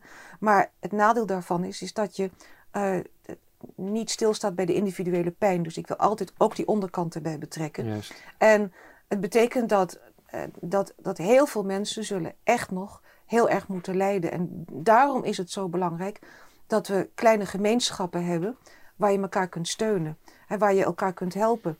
En ik, en ik zie zulke mooie dingen. Ik, ik, ik zie gewoon ik ben vergeten waar dat was, maar dat was iemand die in een dorpje op een gegeven moment een kastje aan zijn, aan zijn huis hing. En daar zette hij een pak rijst in of, of, of, of, of een rol beschuit of wat dan ook. Zo van, mag je meenemen als je het nodig hebt. Ja. En eh, gewoon van, ach, dat heb ik nu even over en dat heb ik niet nodig. En, dan, en dat kastje dat werd steeds groter, want mensen in de buurt begonnen daar ook dingen in te zetten. ja. En er waren ook mensen in de buurt die daar dingen uit begonnen te halen, omdat ze begrepen dat dat mocht. ja. Waardoor mensen in de buurt zagen wie in nood was en dan konden ze naartoe gaan om die te gaan helpen. ja. Nou, dit, ja, en het, het zit gewoon in de mens. het zit in de mens. Weet je, geven maakt gelukkiger dan ontvangen. Precies. Ja. Dus, dus ben er voor elkaar. En eh, dus, Ja. eh, dus zorg dat je gemeenschappen vormt. Het hoeft niet Ja. in dezelfde buurt te zijn, is natuurlijk wel heel wenselijk. Maar je kunt ook eh, bepaalde vriendschapsgroepen hebben waarbij je er voor elkaar bent. En dat je ook weet, en dat is zo'n geruststelling, als er iets met mij is, dan zijn die anderen er. Maar ook, als er iets met die ander is, ben ik er. Ja. Ja, en die veiligheid daarin, dat is ook echt de sleutel. Weet je? Als- Zodra het gevoel van wantrouwen ontstaat, hé, er is misbruik, ja, dan brokkelt dit weer af. Ja. Ja. Je, dus, Nou, het hele idee van de broodfonds ontstond ook op die manier. Van wij vertrouwen elkaar en we gaan elkaar helpen verzekeren in plaats van bij grote Ja. verzekeringsmaatschappijen. Dus je ziet overal, zie je van die initiatieven. Maar weet je wat nou zo mooi is? hmm, Het, het yang-denken eh, is een denken dat resultaat wil zien en dat groots aan de klok wil hangen. ja. Yang-denken zegt van daar is mijn doel, daar ga ik Dat naartoe. En kijk eens, dit is mijn trofee. ja. Ja, dit is mijn trofee. En Yang-denken wil met het hert thuiskomen, het geschoten hert. Yin-denken is klein. Yin-denken is verbonden. Yin-denken ziet eh, dat in allerlei kleine dingen op een gegeven moment iets groots gebeurt. En het probleem is dus dat onze kranten staan bol van yang-dingen. Dus een leuk yin-dingetje vind je op pagina 17 onderaan in een voetnoot. Maar het barst van de positieve ontwikkelingen op dit moment. ja, dat yang zie ik meer als verbonden met denken en doen. En yin meer met voelen en zijn. Ehm, ik kan je zeggen dat. dat eh, ik, ik redeneer net iets anders. Ik zou veel meer zeggen in je hoofd zitten. En dat hoeft nog niet intellectueel te zijn, maar, maar het, het- de illusie hebben dat je alles kunt regelen en dat je alles kunt sturen en dat je alles overziet. Ja, ja ik, ik besefte me laatst, het leven blijft dwingen tot overgave. Ja. Zo, als je denkt kan te controleren en te sturen, en, uh, vroeg of laat kom je altijd weer thuis in die conclusie. Het leven dwingt je tot overgave. Ja. het enige wat overblijft. Geef je maar over. Ja. Nou weet je, de, de Tao Te King die zegt van eh, de ware heerser is de heerser die jij niet ervaart. De ware heerser is de heerser die je niet Ja, ervaart. die dus, die dus Ja, zo voorzichtig is en zo, zo weinig ingrijpt. Want wa- wa- ja, waar, dat, is, dat is ook zo mooi, want het, het Mm. laat zo'n wijsheid zien. Elke, elk ding wat je doet, heeft een gevolg. En als jij denkt, als ik dit doe met deze maatregel, dan is dat het gevolg. Dan denk jij lineair in één stuk. Terwijl het gevolg uitwaaiert en er je een heleboel neveneffecten hebt. Het gevolg is dat je denkt, oh god, hier gaat het helemaal mis. Moeten we weer een maatregel nemen? Nou, je bent op een gegeven moment met maatregel op maatregel op maatregel op maatregel aan het, aan het stapelen. En het gaat alleen maar mis. Ja, ja. Ja, ik ben even kwijt wat ik nou wou zeggen. ik wou er echt iets op ingaan. Er is zoveel waar ik op in wil gaan, joh. even kijken hoor. Ja, in deze tijd, dat is ook een ding waar ik zelf enorm tegenaan loop. Ik bedoel, mijn wereld is 2,5 jaar geleden echt op zijn kop gezet. En zo op zoek gegaan naar ja, nieuwe mensen en verbinden. En, en ik moet zeggen, de hele spirituele bewegingen die ontstaan zijn, dat het eh, echt extreem barst van het dogma in mijn ervaring. Mhm. En ik vind het een van de meest enge ja, fenomenen van deze tijd. Mensen die heel stellig hangen in, in, in, in een dogma. Herken je dat? Ehm, het probleem wat je hier ziet is dat eh, wanneer je in een, in een chaotische situatie komt, in een moeilijke situatie komt, Mhm.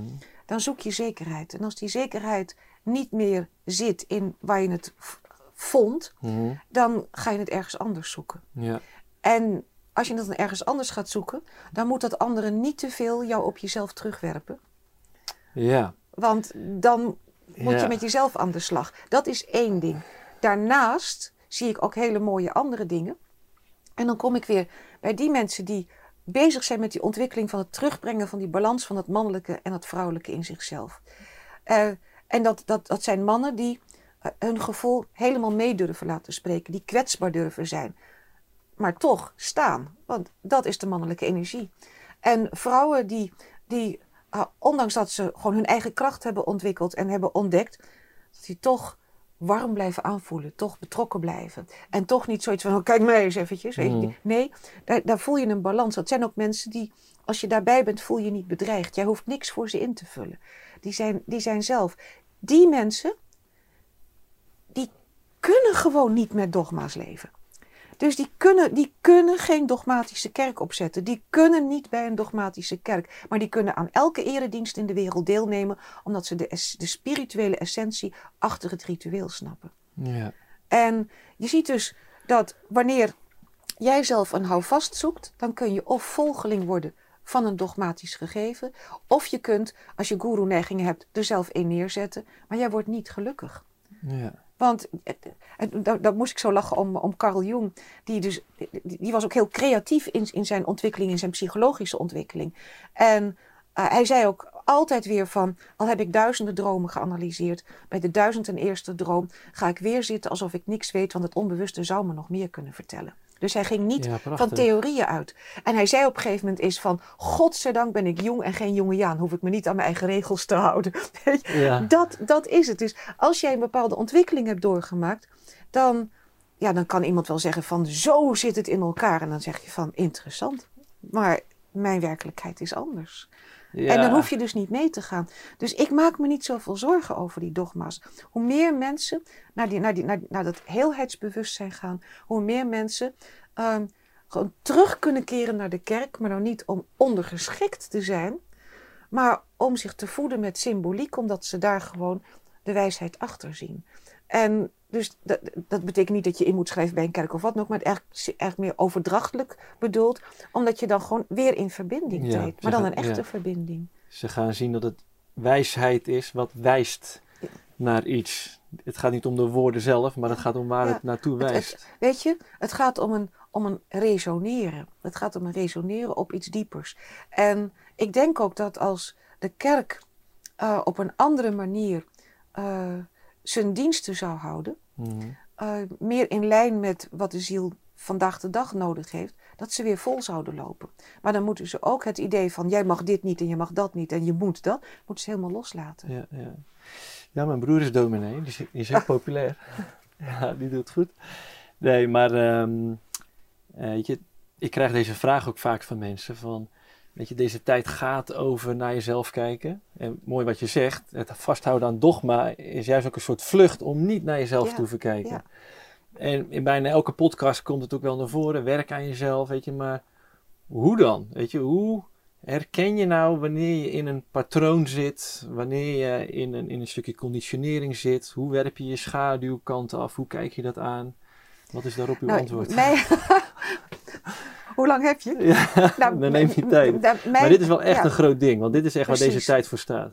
Um, mijn uitgangspunt is de Jungiaanse psychologie. En er zijn heel veel wegen naar Rome. De mijne is die van de Jungiaanse psychologie. En Jung die heeft een indeling in de psyche in drieën. Je bewustzijn, met je ego als centrum, als enige uh, zeg maar centrum in jezelf om te kunnen beslissen, te kunnen afwegen en keuze te kunnen maken. Dus ik roep altijd van het, het ego-begrip in de psychologie is niet dat uit de Oosterse godsdiensten, want die roepen je moet je ego loslaten. Hmm. Nee, in de psychologie is het ego van uh, hoe kan ik gewoon keuze maken? Hoe kan ik dingen, bewegingen in mijzelf zien? Hoe kan ik bewegingen in de wereld zien? Hoe kan ik daartussen laveren? Dus het is echt een belangrijk instrument, het enige wat je hebt om te kunnen functioneren en jezelf te leren kennen. Hmm. Dat is die laag. Dan heeft hij de laag van het persoonlijk onbewuste en daar zitten je complexen. En je complexen, uh, complexen zijn als begrip in de Jungiaanse psychologie neutraal. Het zijn energieknooppunten. En het zijn als het ware thematische knooppunten. Dus alles wat jij niet meer wil zien rond gevoelsthema's, daarvan zegt het onbewuste, hang maar aan het moedercomplex. Uh, en uh, heb je veel autoriteitsthema's die je verdringt, hang maar aan het vadercomplex. Dus die complexen kunnen groeien. Maar even, even kort, kun je uitleggen wat is een moedercomplex, wat is een vadercomplex? Um, daar kom ik zo op. Dan, Dat zal ik zo uitleggen. Ja. Um, Hij heeft nog een laag daaronder, dat noemt hij het collectief onbewuste. En dat collectief onbewuste, daar zitten eh, de ervaringen van de hele mensheid. En de ervaringen van de hele mensheid, bijvoorbeeld rond het thema moeder, is dat vanaf het feit dat de mensheid bestaat, is er geboorte geweest? Ben je gezoogd geweest? Ben je verzorgd geweest? Uh, ben je gedragen geweest? Etcetera. En je bent omhuld geweest totdat je rijp was om de wereld in te gaan. En moest je die stoot naar buiten krijgen om op eigen benen te staan. Die hele, dat gedragene, voeden, omhulde, dat, is, dat zijn de ervaringen met het moederlijke dat de hele mensheid heeft opgedaan. Maar er zijn ook heksachtige moeders die hun kind opvreten, bij wijze van spreken. Dus Mm. de ervaringen van het moederlijke, die zijn zowel heel positief als heel negatief, maar die hebben wij allemaal. Wij dragen in ons een weten over alle verschijningsvormen van het moederlijke. Dat, is, dat weten, dat heeft als het ware een bakkie neergezet in ons persoonlijk onbewuste. Ja. En dat zegt van alles wat nou met die moederthema's te maken heeft, waar jij een probleem mee hebt en wat je verdringt, hier is het bakkie, stop maar hierin. Ja. En dat, dat, dat komt dus daarbij. Nou, die, die, dat persoonlijk, dat collectief onbewuste, dat heeft lagen. En eh, Jung die zegt, eh, er zit een laag in van onze dierlijke voorouders, onze menselijke voorouders.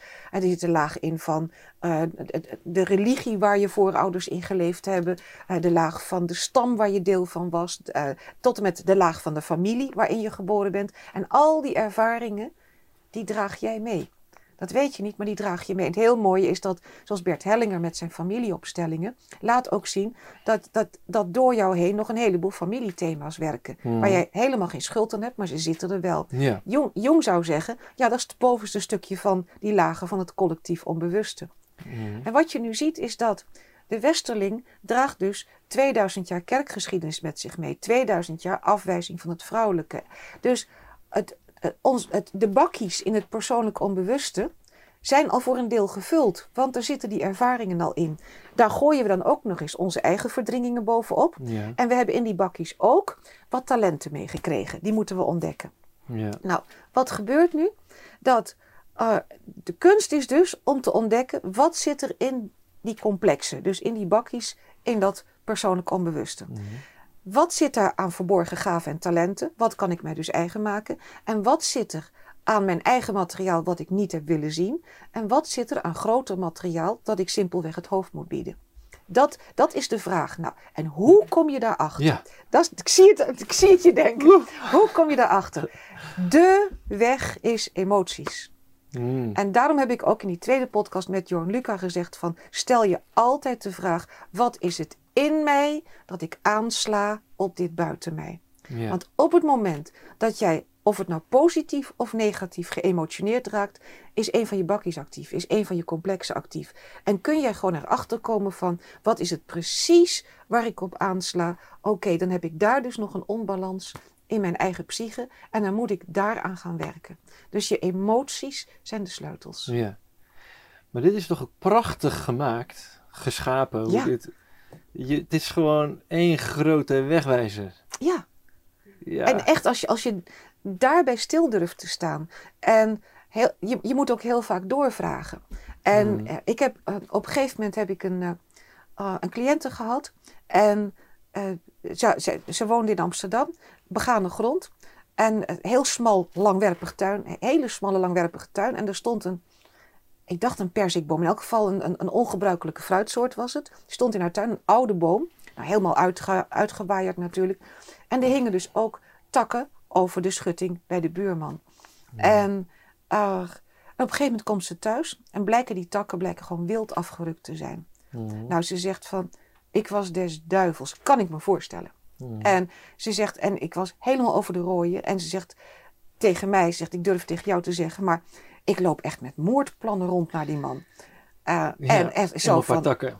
ja, en eh, het, het- ze was zo emotioneel en zo boos. En die boosheid die week niet. Mhm. En je bent terecht boos over zo'n gebeurtenis. Laat Mhm. dat duidelijk zijn. Want dat Ja. hoort je niet te doen. Mhm.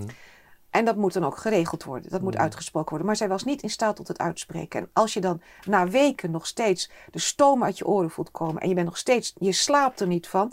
Dan is er iets heel heftig in jou geraakt door dat beeld. Nu Ja. komt het. Het onbewuste vertelt zijn verhalen door middel van beelden.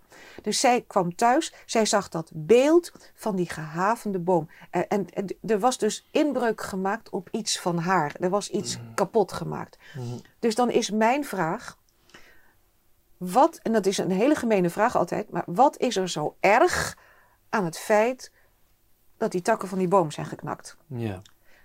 En dan zie je, ja, dat hoort hij niet te doen. Ja. Ja, wat is er zo erg aan dat hij het gedaan heeft? Ja. Dus je krijgt eerst een aantal keren dat je door, die, Uh-huh. door die heftigheid heen moet. En toen kwam opeens zoiets van, van hij dringt zomaar binnen in mijn terrein. Ja. En ik denk, dat is hem. Ja. Het heeft En- met respect te maken. En Erkenning. nee, nog iets ergers. Ja. Want was het maar met respect of erkenning. Maar het blijkt, er- moet dus iets gebeurd zijn van binnendringen op jouw terrein. ja. Dat zo heftig was Juist. dat dat beeld van binnendringen op jouw terrein dat nog kon oproepen. Dus ik ben met haar gaan kijken van, heb jij in jouw jeugd een ervaring gehad dat, dat jij het gevoel had van, nu is er binnengedrongen op mijn terrein. Ik gebruik dan dezelfde woorden. Mhm. En toen opeens, toen zei ze van, toen ik op het begin van de middelbare school zat, toen ontdekte ik dat mijn moeder mijn dagboeken las. Ze zegt, en ik was daar zo van ondersteboven. Dat was zo'n binnendringen in mijn terrein. Ja. En dat heeft ze nooit goed verwerkt. Heeft ze nooit goed uit kunnen werken met die moeder. Dat sluimert dus in dat complex. Ja. En dan komt ze thuis en dan ziet, ze- ziet ze een beeld van iets dat binnengedrongen was op haar terrein. Ja. En dan zegt het onbewuste van... hé, hey, dat had ik als droombeeld kunnen gebruiken om je erop te wijzen dat je iets nog niet hebt uitgewerkt. Ja. En die heftige emotie vertelt dan dat het niet alleen die buurman is. Dat is het ook. Mhm. Maar dat daarachter een groter verhaal zit. Ja. Nou, dankjewel.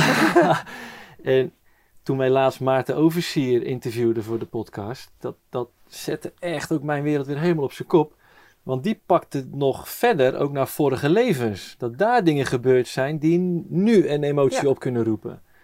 Weet je, en, en dat daar ook een balancerende actie eh, nu voor ja, is. nou, ik, ik, ik weet absoluut niet. Ik laat het compleet open of vorige levens wel of niet bestaan. Ja. En dat heeft één simpele reden. Als ik bij het Jungiaanse model blijf, Mhm. dan zie ik dat alles wat geleefd heeft, zit in mij. ja.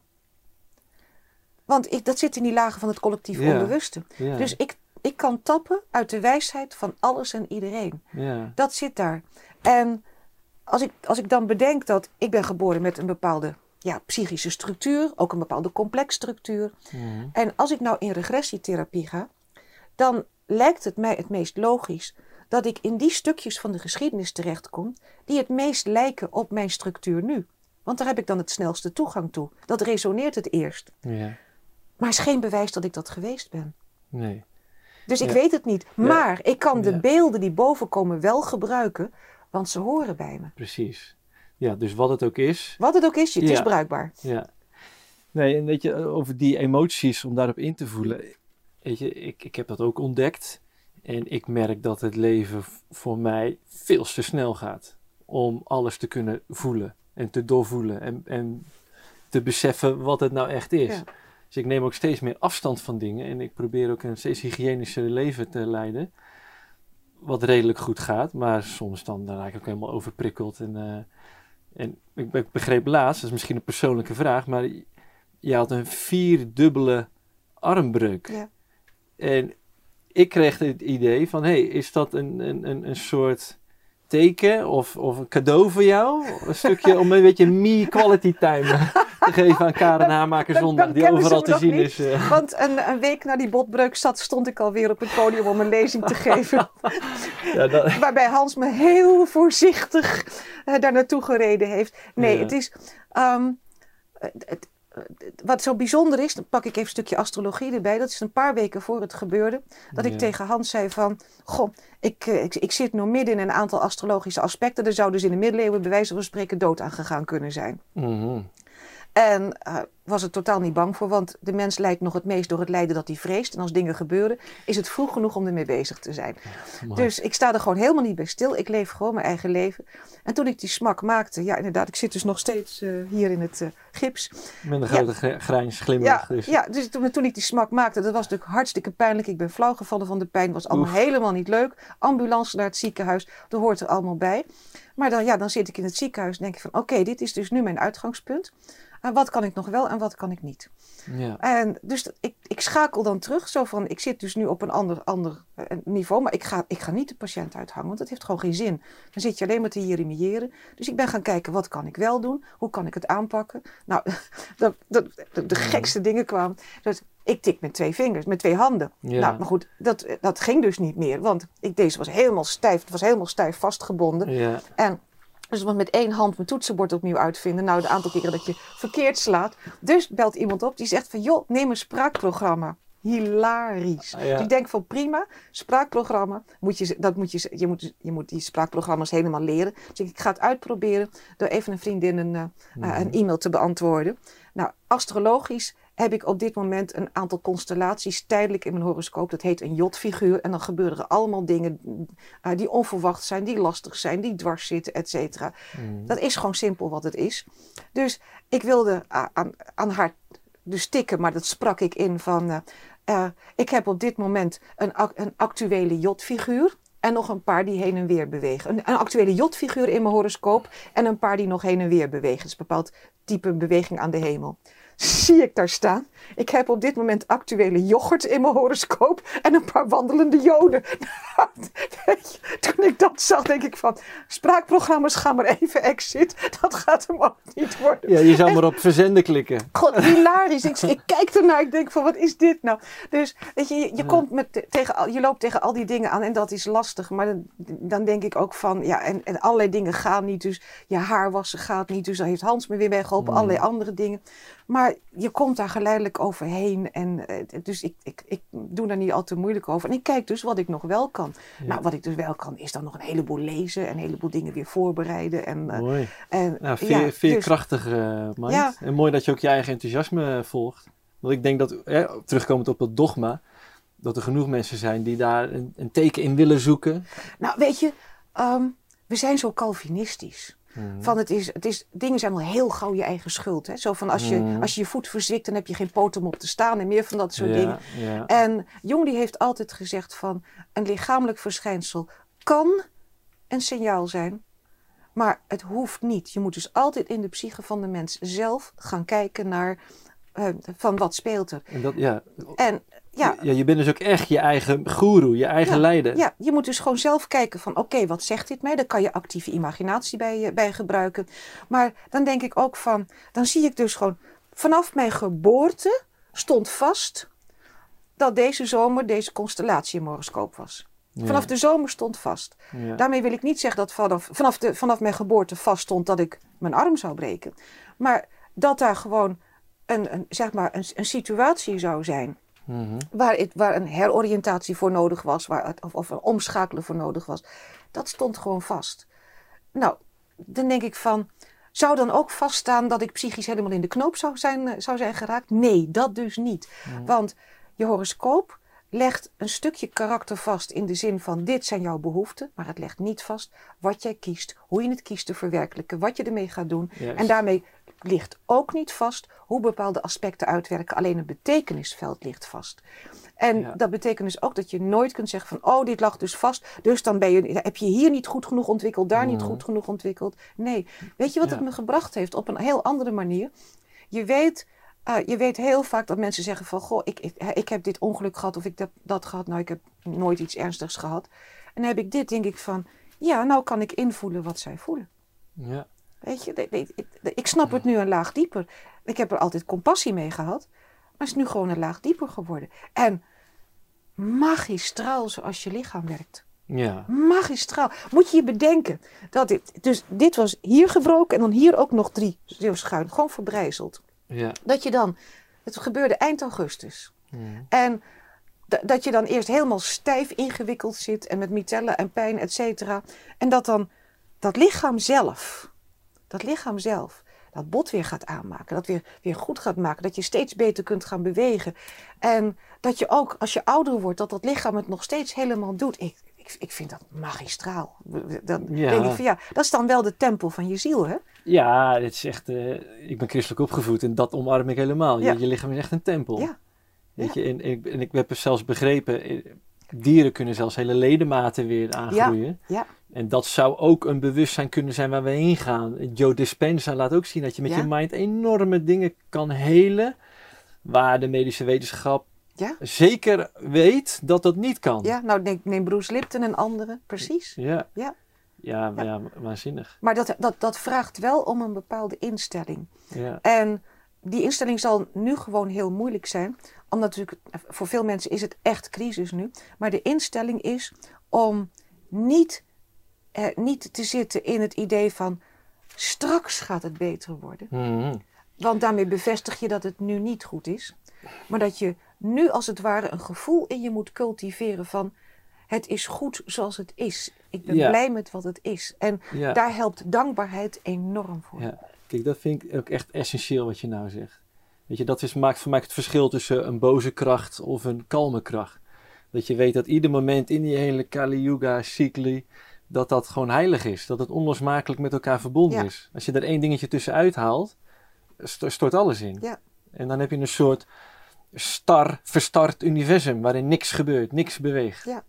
En het, de bedoeling is de beweging. En wat, wat ook heel mooi is, je ziet eigenlijk dat in de zesde eeuw voor Christus zie je die, die, die ontwikkeling waar we het over gehad hebben met die Griekse tijd. En je ziet het ontwikkeling van het individu. Trouwens, dat zie je in China ook in die tijd. Je ziet het in het Midden-Oosten. Je ziet het overal op de wereld. Zie je die ontwikkeling zie je, eh, in gang zetten. Kennelijk is dat dus de bedoeling geweest. En als je dan kijkt dat er een unieke astrologische constellatie was in de zesde eeuw voor Christus. En die constellatie, die, die herhaalt zich pas, eh, ik geloof in 3000 zoveel of, zo, of misschien nog wel later. Dus, eh, ver- verder dan ik gewoon eh, zin heb om te kijken, bij wijze van spreken. En daartussen is die nooit herhaald. Wij zijn dus nog bezig een cyclus uit te werken Mhm. die toen begon. Hoe lang geleden? Zesde eeuw voor Christus. Ja, ja. Die toen begon. En we zijn dus deelcycli zijn we nu aan het uitwerken. Met andere woorden, de wereld vergaat niet, we zijn nog lang niet klaar. Ja, nou ja, het leven vergaat sowieso niet. Nee. Weet je, en dat is, dat is, dat, daar haal ik zelf ook berusting in. Weet je, we kijken zo vanuit onze eigen bubbel in wezen, in feite. Ja. Dat is waar we beginnen. En dan zien we, oh, we zijn de mensheid. We geven om de mensheid. En we gaan geld storten op een rekening als ergens een ramp is gebeurd. Maar we zetten de mensheid toch bovenaan de natuur en bovenaan de schepping. En de rest moet dienend zijn. Maar als je gewoon nog een stapje breder kijkt. je- en je houdt gewoon van het leven, van de natuur. Ja, dat, dat zal altijd blijven gaan. Ja, ja. ja, en ik denk ook niet. Hè, er wordt, eh, ik, ik weet ook dat er pessimisten zijn nu die zeggen van nou de mensheid gaat eraan. Maar ik denk het niet. Eh, Je ziet wondertjes gebeuren. Je ziet, je ziet, je ziet Hmm. dingen gebeuren. eh, waardoor je gewoon beseft van ehm, we, zit, we, zi- we zitten in wat, ik, wat we in de astrologie noemen een plutonische fase. En dat is een fase waar bijvoorbeeld een, een, vul- een vulkaanuitbarsting bij plaatsvindt. Of het, eh, als je het op, op een andere manier vergelijkt, dat is eigenlijk gewoon de wond die gaat etteren om hem schoon te maken. Hmm. En het, het is niet een leuke fase, maar het is Hmm. wel een schoonmaakfase. Ja. En waar we nu in zitten is dus die, die fase waarin eh, ook het hele misbruik van de natuur, het, het, het hele misbruik van mensen door, door, door elites, et cetera. Het is, eh, eh, die wond is open aan het gaan. De etter komt eruit en we Mhm. moeten door die fase heen. En Ja. als jij zegt van het wordt nog moeilijk, daar kan ik het mee eens zijn.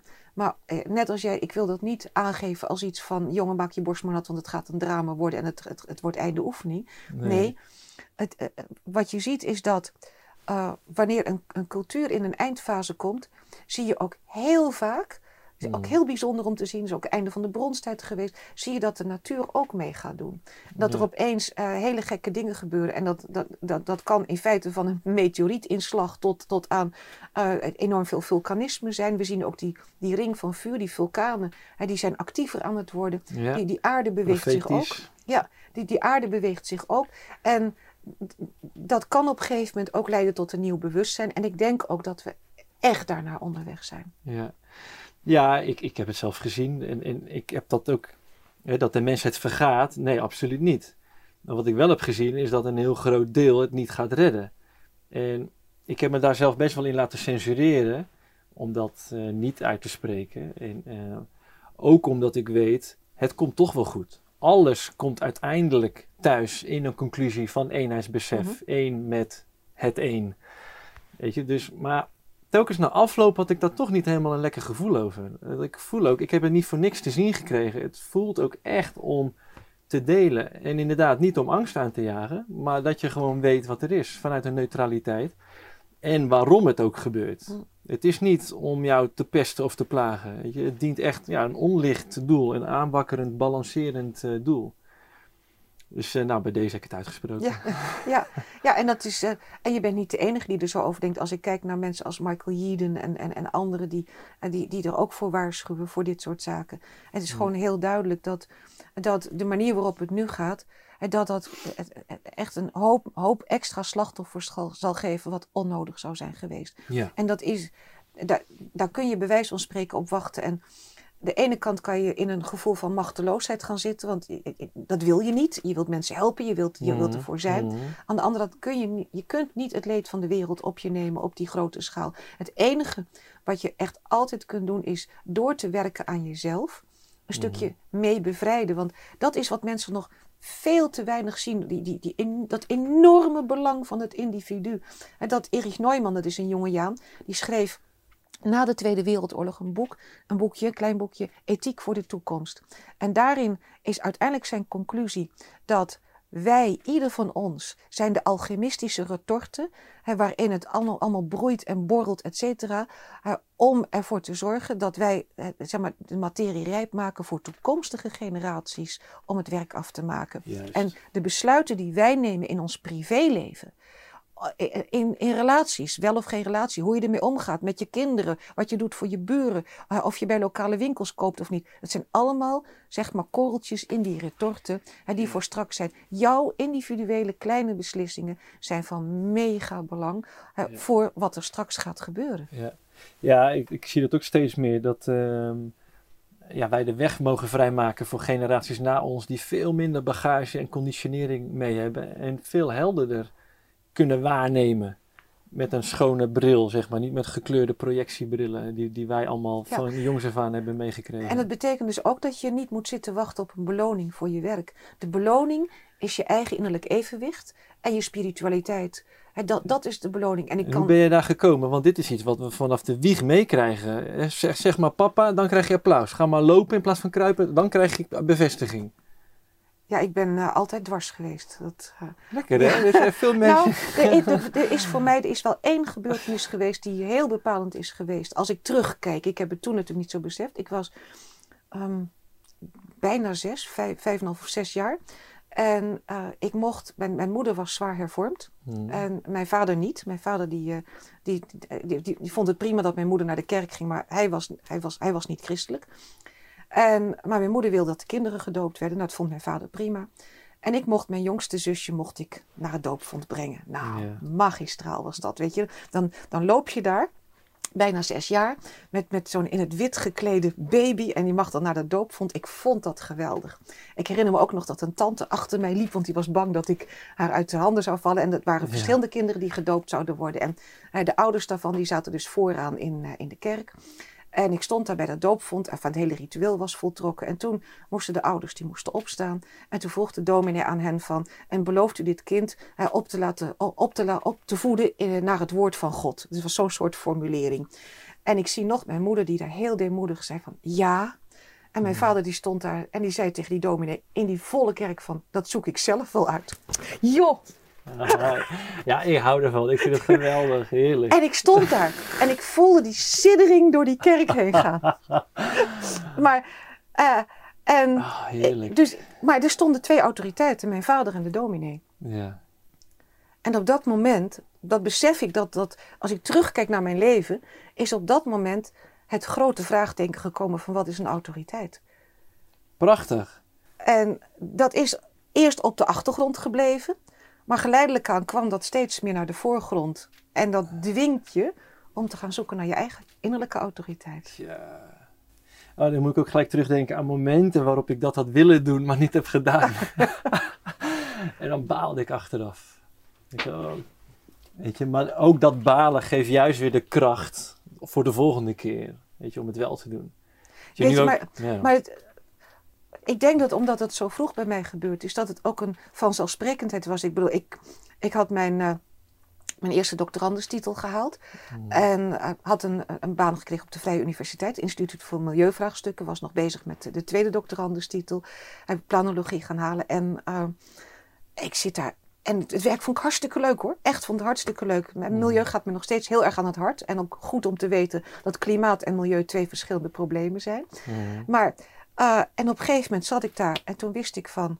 Nee, als ik binnen de universitaire wereld blijf... en ik had goede vooruitzichten, er waren beloften gedaan... denk ik van, dan word ik een appel waar een, stuk uit is, waar een hap uit is. Hmm. En ik was daarnaast ook bezig met astrologie, met, met Jungiaanse psychologie, met parapsychologie. Uh, want alles wat ja, in, de, in het hoofd van de mens speelt, vind ik waanzinnig boeiend. En ik was dus met astrologie ook al in contact gekomen. En, en op een gegeven moment had ik zoiets van, nee, ik moet hier weg. Ja. Dus ik heb ontslag genomen. Nou, dan krijg je dus ook geen uitkering.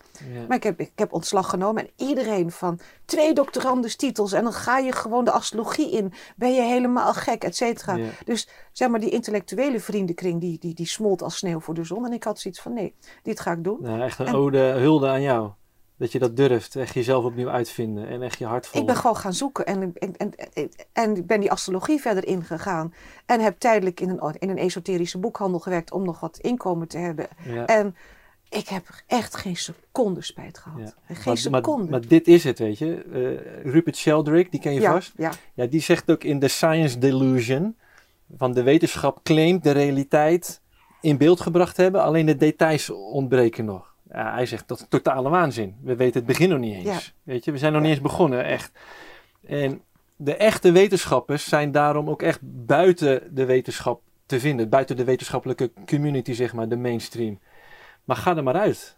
Weet je, doe het maar. Want ja, daar is het geld, de, de roem, de faam. Ja, maar dat zijn me niks. Ja, dat, ja. Dat, dat zei me gewoon niks. Maar dat vind ik echt knap. En dat is ik, deels dus ook aan je vader bij het nou, altaar nou, te danken. Dat in feite die gebeurd is. Maar ook, ja, is ook een enorme nieuwsgierigheid. Ik heb altijd gelezen. Altijd. Ik was altijd met lezen bezig. Dus ook dat. Het, ik zat in een andere wereld als het ware. En ik ben daar gewoon mee doorgegaan. Al, allerlei andere dingen. En ik heb op, op een gegeven moment besefte ik ook van... Uh, ik moet ook bij geen enkele stroming willen horen. Ik moet ook niet bij een politieke stroming willen horen. Helemaal nergens. Ik moet niet bij een officieel instituut willen horen. Want dan zit ik binnen, binnen muren, binnen beperkingen. Dan moet ik me aan dingen houden. Ik wil mijn hersenen de vrije loop laten. Ik wil onderzoeken wat ik wil. Dat is ook best wel moeilijk geweest. Want uh, al het onderzoek wat ik heb gedaan, heb ik dus onbetaald in mijn vrije tijd gedaan.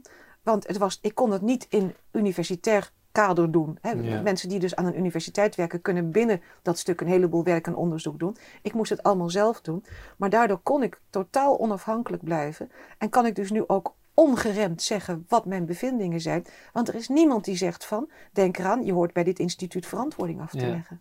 Ja, ik vind het heerlijk. Echt, dankjewel. Ja, nou, ik voel me er zelf ook heel lekker bij. Nou, maar dat is het ook. Ja. deze hele tijd vraagt ons gewoon alleen maar om onszelf te zijn, ons eigen hart te volgen. Er is ook niks leukers dan dat. Maar het is ook tegelijk het moeilijkste wat er is. ja, dat, dat is het. En dat, ik heb dus toen ook heel bewust van, ja, je, dan wordt er gezegd van, jij moet voor je pensioen sparen en dat soort dingen. ik heb toen heel bewust gezegd, van, het geld wat ik verdien, investeer ik in mijn kinderen. Ja. Uh, ik blijf gewoon doorwerken. Want eh, ja, ik bedoel, uh, mijn zoon die heeft op een gegeven moment gezegd van... Uh, jij komt nog te laat op je eigen begrafenis omdat je nog iets moet uitzoeken. Dus die, die kent mij heel goed. Ja. En dus dit is mijn leven en dit ben ik. En ik, ik, kan, ik kan niet gewoon gaan zitten en dan niks gaan doen. Want dat, dat spreekt me niet aan. Als iemand zegt van ga nou eens even lekker ontspannen. Dan pak ik een boek op dit gebied en dan ben ik weer helemaal kwispelend. Ja, dus, ja. Nou ondertussen de vragen stapelen zich ook weer op in mijn hoofd. Van, dat kan ik me voorstellen. Nee, wat ik ieder geval ook nog wil benoemen. Ik blijf echt bij het voorbeeld met je vader hangen. Van wauw, weet je, wat een voorbeeld kan betekenen. En wat jij weer betekent voor anderen. Weet je, en hij leefde het voor op dat moment. Hij ging niet zeggen, nou, ik heb een boek gelezen van Jung of uh, Steiner. Of, niks dogmatisch. Hij zegt gewoon, nee, ik kijk zelf wel. Weet je, maar dat voorleven, daar voel ik zo'n kracht in. Dan moet je kijken wat een butterfly effect dat de toekomst in kan hebben tot de situatie nu. En dat we deze, dit gesprek nu hebben. Maar dat zeg ik ook tegen mensen van denken om het als jij uh, zeg maar schouderwerk gaat doen, de persoonlijkheidsontwikkeling gaat doen en je bent op die manier evenwichtiger aan de keukentafel waar je kinderen op groeien, dan kan het zijn dat een van jouw kinderen bevriend raakt met een ander kind. Mhm. maar gedrag gaat vertonen dat evenwichtiger is, daarmee dat andere kind beïnvloedt. En die kan misschien wel de in de toekomst een minister-president worden. Ja. Weet je, dus dat, dat, je, je ziet niet de effecten van je gedrag. Ja, Maar da- je moet dus ook niet meer op resultaat sturen. juist. Want dat je is kan het toch niet begrijpen? Precies. Maar dat is ook de- die Yang-gedachte van ik moet met mijn trofee thuiskomen. Nee, Ja. het, en het klinkt egoïstisch, maar het is niet. Doe het voor jezelf. Voor jouw eigen balans. Het is voor je eigen geluk. En je maakt anderen Dat daarmee het. Dat is het. Weet je, als je Ja. dat doet, als je dat voelt, ben je in tune of instrumenteel aan het goddelijke. Ja. En als iedereen dat doet, is er perfecte harmonie. En wat altijd dan weer hè, een nieuwe, dat het blijft cyclisch. Nou ja, dat, dat is het. En het mooie is, is dat als die balans mannelijk-vrouwelijk gewoon sterker wordt in jezelf, dan kan je gewoon naar buiten kijken en je kan echt, je kan zo'n liefde voelen voor het leven, voor, voor, voor alles. En je, je komt gewoon in een, in een andere manier van zijn, terwijl je nog gewoon je boodschappen kunt doen en nog gewoon, je kunt je ook nog gewoon irriteren aan dingen en toch gaat die ondertoon erin zitten. Ja. En als die ondertoon erin zit bij voldoende mensen, dan denk ik met Rupert Sheldrake gesproken dat er een morfogenetisch veld gaat vormen ja. dat veranderend werkt op andere mensen. Ja, ja, prachtig. Weet je, wat, maar wat een wereld gaan we hebben als dit de leidende wetenschap is. Ja. Dat zei Nikola Tesla ook, op het moment dat de wetenschap zich met dit soort dingen gaat bezighouden.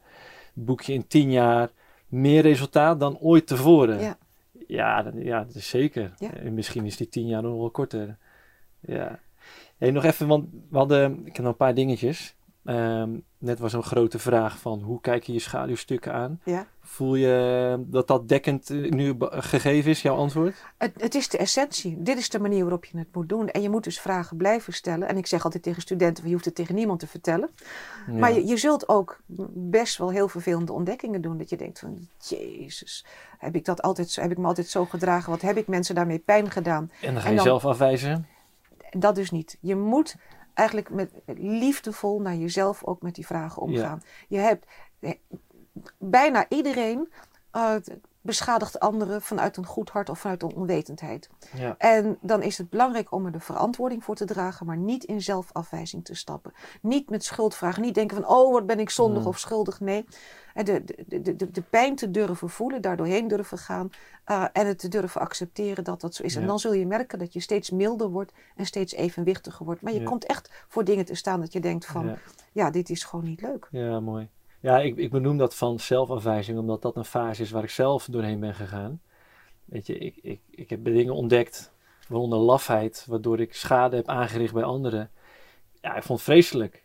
Mhm. Eh, nu spreek ik het uit voor een podcast zelf, weet Ja. je, maar het was niet mijn schuld, weet je. Ik was er ook maar ingerold vanuit onwetendheid en lafheid, waar ik ook gewoon in te groeien heb. Het is wel mijn verantwoordelijkheid. Ja. Dus door die zelfafwijzing, weet je, breng, kom je daarna weer in een andere laag. Ja. Maar met, met, weet je, je, zelfafwijzing heeft het gevaar dat je eh, een beeld op jezelf plakt en daarin blijft hangen en Ja. dan dus je groei remt. ja. En daarom is het zo belangrijk om gewoon heel liefdevol naar jezelf te zijn. Gewoon met compassie naar jezelf te kijken. eh, maar wel de pijn te durven voelen van shit, dit heb ik gedaan. Ja, ja, dat, dat moet je durven voelen. En op het moment dat je dat durft te doorvoelen, krijgt het een plek. Komt het uit dat bakje, uit het onbewuste. Hè, want daar, daar heb je die pijn Ja. naar verdrongen, om het niet te overweten. Komt het Ja. eruit, het wordt deel van je bewustzijn. Maar het betekent ook dat als je iemand anders laf ziet zijn... Mhm, en je hebt zelf die pijn doorwerkt... dan kun je op een gegeven moment breder kijken. mhm. Dan kun je op een gegeven moment denken van... ja, maar misschien is hij heel onwetend op dit punt... dus ik moet hem niet oordelen. Maar misschien kan ik hem helpen op een ander punt. Terwijl Ja. als je die pijn niet had verwerkt... eh, en je al wel had ontdekt dat je laf was, bent geweest... maar je hebt die pijn niet verwerkt... dan- dan is het meteen van... eh, moet je eens kijken hoe laf die is, weet je? Dan ga je met vingers wijzen. Precies. Want dit was inderdaad mijn vorige vraag. Lijkt wel of je telepathisch bent. Want heel vaak gaan mensen zich ook met elkaar bemoeien. Te pas Ja. en te onpas. Dan zie, want het is bij een ander is dat heel makkelijk om Ja, te zien. Weet ja. je? Elkaar analyseren, dat is uh, volkssport nummer één. Dat, dat voetballen is, is echt niet... dit, is, dit is sport nummer één. Maar voor mij... En ik, ben- ik ben heel benieuwd wat jouw ervaringen zijn... of misschien eh, aan inzichten hebt, maar hoe gaan we onderling daar met, met elkaar om? Want we kunnen elkaar in mijn ogen juist in verder traumatiseren, verder het loopgraf induwen, verder de overtuiging induwen Ja. dat ik niet laf was, dat het wel goed was en bladibla. Nou, dan, dan kom je dus in projectie. Op het Mm. moment dat jij het van jezelf een beetje weet, maar weer wegdrukt. Mhm. En dus op een gegeven moment niet meer weet. Ga je het zien in de omgeving. Dus ga je iedereen ervan beschuldigen. Ja. Ja. En, dan, en Jung die onderscheidt twee soorten projecties. De passieve en de actieve. Mhm. De passieve is dat jij ehm, denkt dat een ander zo is. Mhm. En de actieve is, is dat je actie gaat ondernemen om iets tegen die ander te doen. Ja. En dat kan ook zijn die ander willen overtuigen. Dus Jong die had altijd als stelregel, wat is het in mij dat ik aansla op dit buiten mij? Maar de variant erop is, wat is het in mij dat ik meen mij te moeten bemoeien met die persoon in de buitenwereld? Ja. En hoe ga je ermee om als iemand zich met jouw proces zit te bemoeien?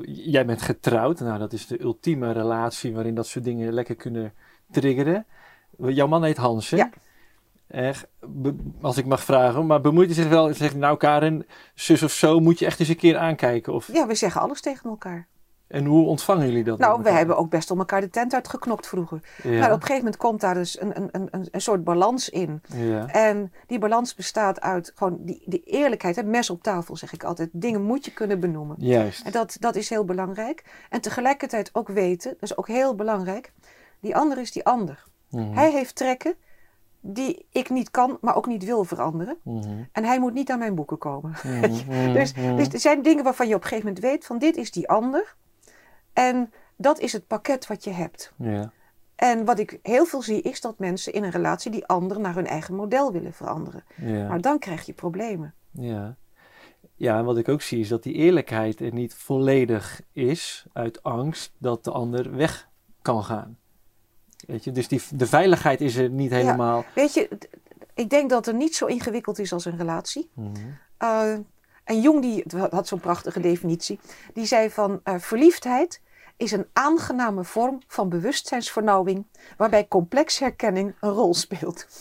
Waarbij complex herkenning Herkenning een rol speelt. Met andere woorden, ik herken iets van mijzelf in jou. En zolang ik het in mezelf niet heb uitgewerkt, probeer ik het in jou uit te werken. Is, is, dit, is dit ook niet een, een, een onbewust mechanisme Ja, voor eigen bewustzijnsgroei? Dat je iemand anders zoekt waarin je het herkent. Hé, Precies. hey, ik kan hier groeien. Daarom, daarom- kies ik die. En daarom zie je zo ook heel vaak dat als jij bepaalde stappen niet zet, dat het onbewuste zegt van oké, eh, laatste redmiddel, ik laat je verliefd worden op iemand die daar een spiegel van is. Succes! maar dit is wel heerlijk hoe dit ge- gecreëerd is van the greatest prize of all. Een liefdespartner. De hele wereld, de andere wereld vergeet je. Niet Ja. alles kan je gestolen Ja. worden.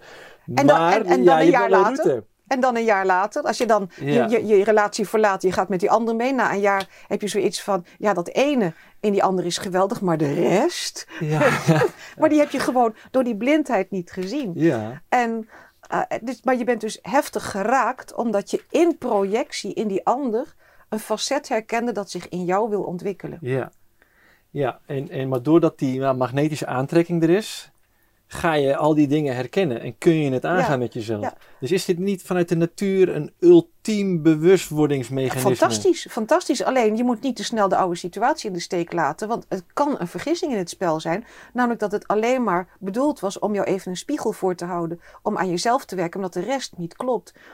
En zo kan het zijn dat je met de verkeerde getrouwd bent, waar het een tijd goed mee is gegaan, maar dat voor je groei uitgediend is. Dan kun je gewoon als vrienden uit elkaar gaan. Hoe doe je dat? Want dat vind ik ook mooi. En ik heb er zelf wel mijn eigen kijk. Ik heb tien jaar in een relatie gezeten. Wij zijn zo mooi uit elkaar gegaan. Daar ben ik zo dankbaar voor.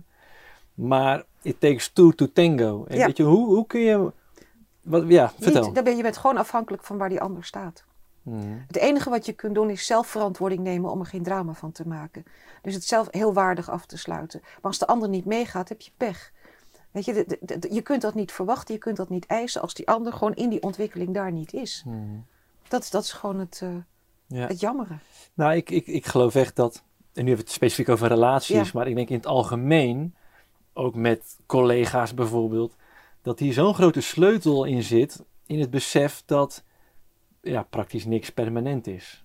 Praktisch, je kan wel gaan tot de doodje scheidt, maar dat leren loslaten in liefde, dat daar zo'n enorme sleutel zit, in plaats van altijd die verkramping, het moeten vasthouden, het claimen, en dan alle narigheid die erbij ontstaat. Nou, dan is, dan is de vraag van wat wil je vasthouden? Wat moet die ander voor jou invullen? Waarom moet die ander zo zijn? als jij het het liefste hebt. Want het is een probleem in jezelf. En op het moment dat je dat duidelijk krijgt, kun je het dus ook loslaten naar die ander. Geef je die ander ruimte Hmm. en wordt de relatie ook veel creatiever. En hoe kun je, stel jij bent degene die dit begrijpt. Stel jij hebt een relatie losgelaten met iemand die dat niet begrijpt. Hoe ga jij daarmee om? Ik kan het alleen maar laten zien en ik kan alleen maar die ander loslaten. Maar als die ander dat niet doet, dan is het einde oefening bij wijze van spreken. Want Ja. dan, dan zit je niet meer op dezelfde golflengte. Ja, ja, ja. Ja, dan weer dat voorleven waar we het net over hadden. Ja. Je kunt alleen maar zelf zijn. Ja. En het, het mooie is ook, weet je, dat. ehm, en dan, dan gaat het echt veel breder over alle soorten relaties. Wanneer jij dat, dat, dat schaduwwerk in jezelf, wanneer je daarmee bezig bent, je bent nooit klaar, maar wanneer je daarmee bezig bent en je komt steeds meer in balans, betekent het ook dat ehm, alles wat je bij die ander neerlegde, Mhm. haal je terug. Mhm. En dat betekent dat als jij eh, die ander van van alles beschuldigde, ga je zien van, maar ik ben ook niet zo fris af en toe. Dus ik haal het terug, want het ligt niet bij die ander. Ik moest mezelf leren zien. Ja. Dus vijandbeelden kun je terughalen. En dat betekent dat je daardoor genuanceerder kunt kijken Mhm. naar mensen die je aanvankelijk als vijand zag. Mhm. En dat kunnen nog steeds vervelende mensen zijn, maar je kunt hun grotere context zien. Mhm. En daardoor word je objectiever. Maar ook als jij iemand ontzettend op een voetstuk hebt gezet, hè, dan moet je dat ook terugnemen. Want het betekent gewoon dat die ander van jou een kwaliteit weerspiegelt die in jou geboren of ontwikkeld wil worden. Dus Ja. als je dat ook terughaalt, dan hoeft die ander niet meer op dat voetstuk te staan. Die hoeft jou niks meer te geven. Die hoeft niet meer in zijn of haar aanwezigheid jou gewoon maar te blijven steunen. Want je hebt die steun in jezelf gevonden en je kunt dus echt gaan relateren. En dat betekent dat hoe meer jij in die balans komt, Ja. hoe minder jij anderen eh, iets voor je laat betekenen in de negatieve zin. Hè? Dat je vraagt niks meer aan een ander. Een ander hoeft niks meer voor jou in te vullen. Jij bent er gewoon zelf. Het betekent dus ook dat als mensen bij jou komen, ze voelen: ik mag mezelf zijn. En daarmee geef je, door jouw proces te doorlopen, geef jij die ander tijd en ruimte om ook dat proces aan te gaan. Want die hoeft zich niet bezig te houden met wat hij voor jou moet betekenen. Prachtig. Ja, heel mooi. En dat is dat proces. En dat is dus in een huwelijk, maar ook in vriendschappen, maar in, in arbeidsrelaties. Dat is waar het om gaat. Ik had het met een vriend. Doet me denken aan een relatie. Ik heb een hele dierbare vriend. We konden elkaar best wel een beetje zitten fitten. Jij, jij- jij- maar sinds eh, ja, anderhalf jaar of zo praten we alleen nog maar over ons eigen proces. Ook een beetje vanuit, nou, pff, laat maar. Maar dan delen we alleen maar wat er met onszelf gebeurt. Ja. Wetende dat dat ook een thema is voor de ander. Maar dan in volledige veiligheid kunnen luisteren. En dan ineens kan het zoveel dieper binnenkomen. Ja. En nou zijn we mekaars grootste teachers. Ja, Ja. We, kunnen elkaar veel meer wij, wijs ma- echt wijs maken. Echt met wijsheid. In Ja. plaats van dat we zitten te is- wijzen. dit is ook zo mooi. Er is een Amerikaanse psychiater, Rollo May. Ja. En eh, die heeft op een gegeven moment eh, heeft hij een, een aantal dingen geschreven. Dat vond ik echt zo best, best ontroerend. Want hij zegt: Op het moment dat jij je in een relatie heel kwetsbaar durft op te stellen. Dus echt helemaal met je innerlijke roerselen durft te komen. Dan schenk je vertrouwen aan die relatie. Ja. Maar wij weten allemaal dat niets ooit blijft. Hmm. En dat betekent dat er, er kan een keer ruzie komen in, in zo'n relatie. En dan heb je die ander een heleboel kwetsbaarheden gegeven om jou mee te slaan. ja. Er is de, de hoogste vorm van moed, zei hij, is de psychologische moed. Dat je ondanks het weten dat er misbruik van gemaakt kan gaan worden, je toch je kwetsbaarheid laat zien om tot een betekenisvolle intimiteit in die relatie te komen. Ik wou dus zeggen, dat is pas intiem. Dat is het. Ja. Ja. Ja, prachtig. Ja. Weet je, dat, dan ga je echt diep. Ja. Dan ben je echt zo teder samen. Wauw, ja. In de wetenschap dat het een keer misbruikt kan worden, toch zet je die stap. ja, ja, Dat is ultieme moed, zegt hij. ja. Wauw, wat een wijze vrouw ben jij. ja, daarvoor zitten we hier ook. Maar ik zit te smullen. Echt, eh, eh, ik nog even inhaken op wat je net zei. Wat je zei over anderen op een voetstuk zetten en, en dat terughalen. Ehm, andersom werkt het ook zo. Weet je? Ik merk ook bij mijzelf. Ik heb ook bepaalde beelden van mezelf in stand gelaten bij anderen. Ergens wist ik dat wel. En dat brandt vroeg of laat op. Mhm. En liever vroeg. Dan is het niet zo emotioneel of niet zo, dan klapt het niet zo hard. Maar ja, daar ook echt ja, radicaal eerlijk in durven zijn. Mhm. Weet je, en nu ook met de podcast, mensen kennen jou ook van het scherm, van toespraken. Weet je, mensen bouwen dan een bepaald beeld op, wat nooit dekkend is van wie jij of ik ben. En daardoor allerlei verwachtingen ook kunnen krijgen. Weet je, en dat is ook, ja, ik probeer er ook gewoon zo eerlijk maar in te zijn. Weet je, ik ben op het scherm niet anders dan ik thuis ben. Hmm. Uh, en, maar op het moment dat zij van mij een heleboel verwachtingen gaan, uh, gaan krijgen, zit je door de rol die ik nu gewoon heb, Ja. zit je met twee dingen. A, ik wil ze teruggeven dat het iets in henzelf is dat ze kunnen ontdekken. Dus dat ik alleen maar een functie heb als wandelend symbool, zoals ik dat dan noem. Ja. En dat ze dus moeten gaan kijken van maar wat verwacht ik dan en wat is dan zo belangrijk? Wat is het in haar dat mij doet aanslaan? Hè, dus op die, diezelfde vraag stellen, dan kan je met jezelf verder. Ja. Aan de andere kant weet ik ook dat uh, je voor een aantal mensen nog een stuk zo moet zijn, omdat die het nog nodig hebben om zich te laven, om stappen te gaan zetten. Ja. En dat ben ik dan ook. Maar ik ben het wel zoals ik ben. Ik vertel zoals ik ben. Ik doe dat naar mijn student. Ik doe dat thuis. Iedereen kent mij zoals ik ben. Want uh, waarom moet ik een, een, ja, een, een, specifieke ingestudeerde rol gaan spelen? Ja. Ik bedoel, moet je allemaal onthouden. Is allemaal ingewikkeld. Dat, Nee, uh, ja, ik hoor je, prachtig. Weet je, dat is, weet je, je kunt iedereen, ik zie het als een soort fontein. Je gaat altijd eventjes mee in een beweging. Je laaft je aan iemand die jou inspireert. Maar uiteindelijk haak je bij alles af, omdat je uniek bent. Weet je, alleen maar, je kunt alleen maar, alles gaat op een gegeven moment voorbij aan de woorden, aan de boeken, aan wat gezegd Ja. is. En dan kom je alleen maar uit bij jezelf. En het, het, het mooie is, um, nou je, je, weet, ik ben dol op Jungiaanse psychologie. Dat is gewoon de vorm waarin ik mij het beste kan uitdrukken. Er zijn andere vormen, maar hier, ja, daar kan ik mee lezen en schrijven. Hmm. En ja, dan vind je natuurlijk het geweldig wat Jung heeft gedaan. Ja. Maar ik heb gesmuld van biografieën waar hij er minder leuk afkwam. ja. Eh, want eh, daar, daar ontstond een mens voor mij. En ik zie Juist. die worsteling van die man om, om, ja. om, om tot zijn inzichten te komen. En dat geeft alleen maar meer respect. En dus uh, Ja. het, het, het, zo- die zoektocht van deze man. En dat is bij iedereen. Dat, uh, Echtheid, rauwheid. Precies, precies, dat is wat het is. En als je dus daaraan kunt relateren, Ja. dan, dan kom je, en dat zegt Von Frans ook zo mooi, dan schep je een zielenfamilie om je heen. En dan kom je, eh, eh, en ik heb gewoon het geluk dat ik gewoon een vriendenkring heb die op die manier functioneert. Dat ik met mensen omga en die, waarbij je kunt neerleggen wat je kwetsbaarheden zijn, die er zijn, maar Mm. ook die, die functioneren op de manier zoals het van hun uit het beste is in de groep. Om een, om een voorbeeld te geven, als iemand beseft van ik heb minder, leiderschap, minder leiderschapscapaciteit dan die ander, Mhm. ga ik ook niet proberen om de leider te zijn. Ja. En weet je, dus dan, dan zie je gewoon dat er een soort eh, automatische positie innemen is naar het wezen dat je bent. Ja. En van daaruit de grootste bijdrage aan de groep levert. Ja.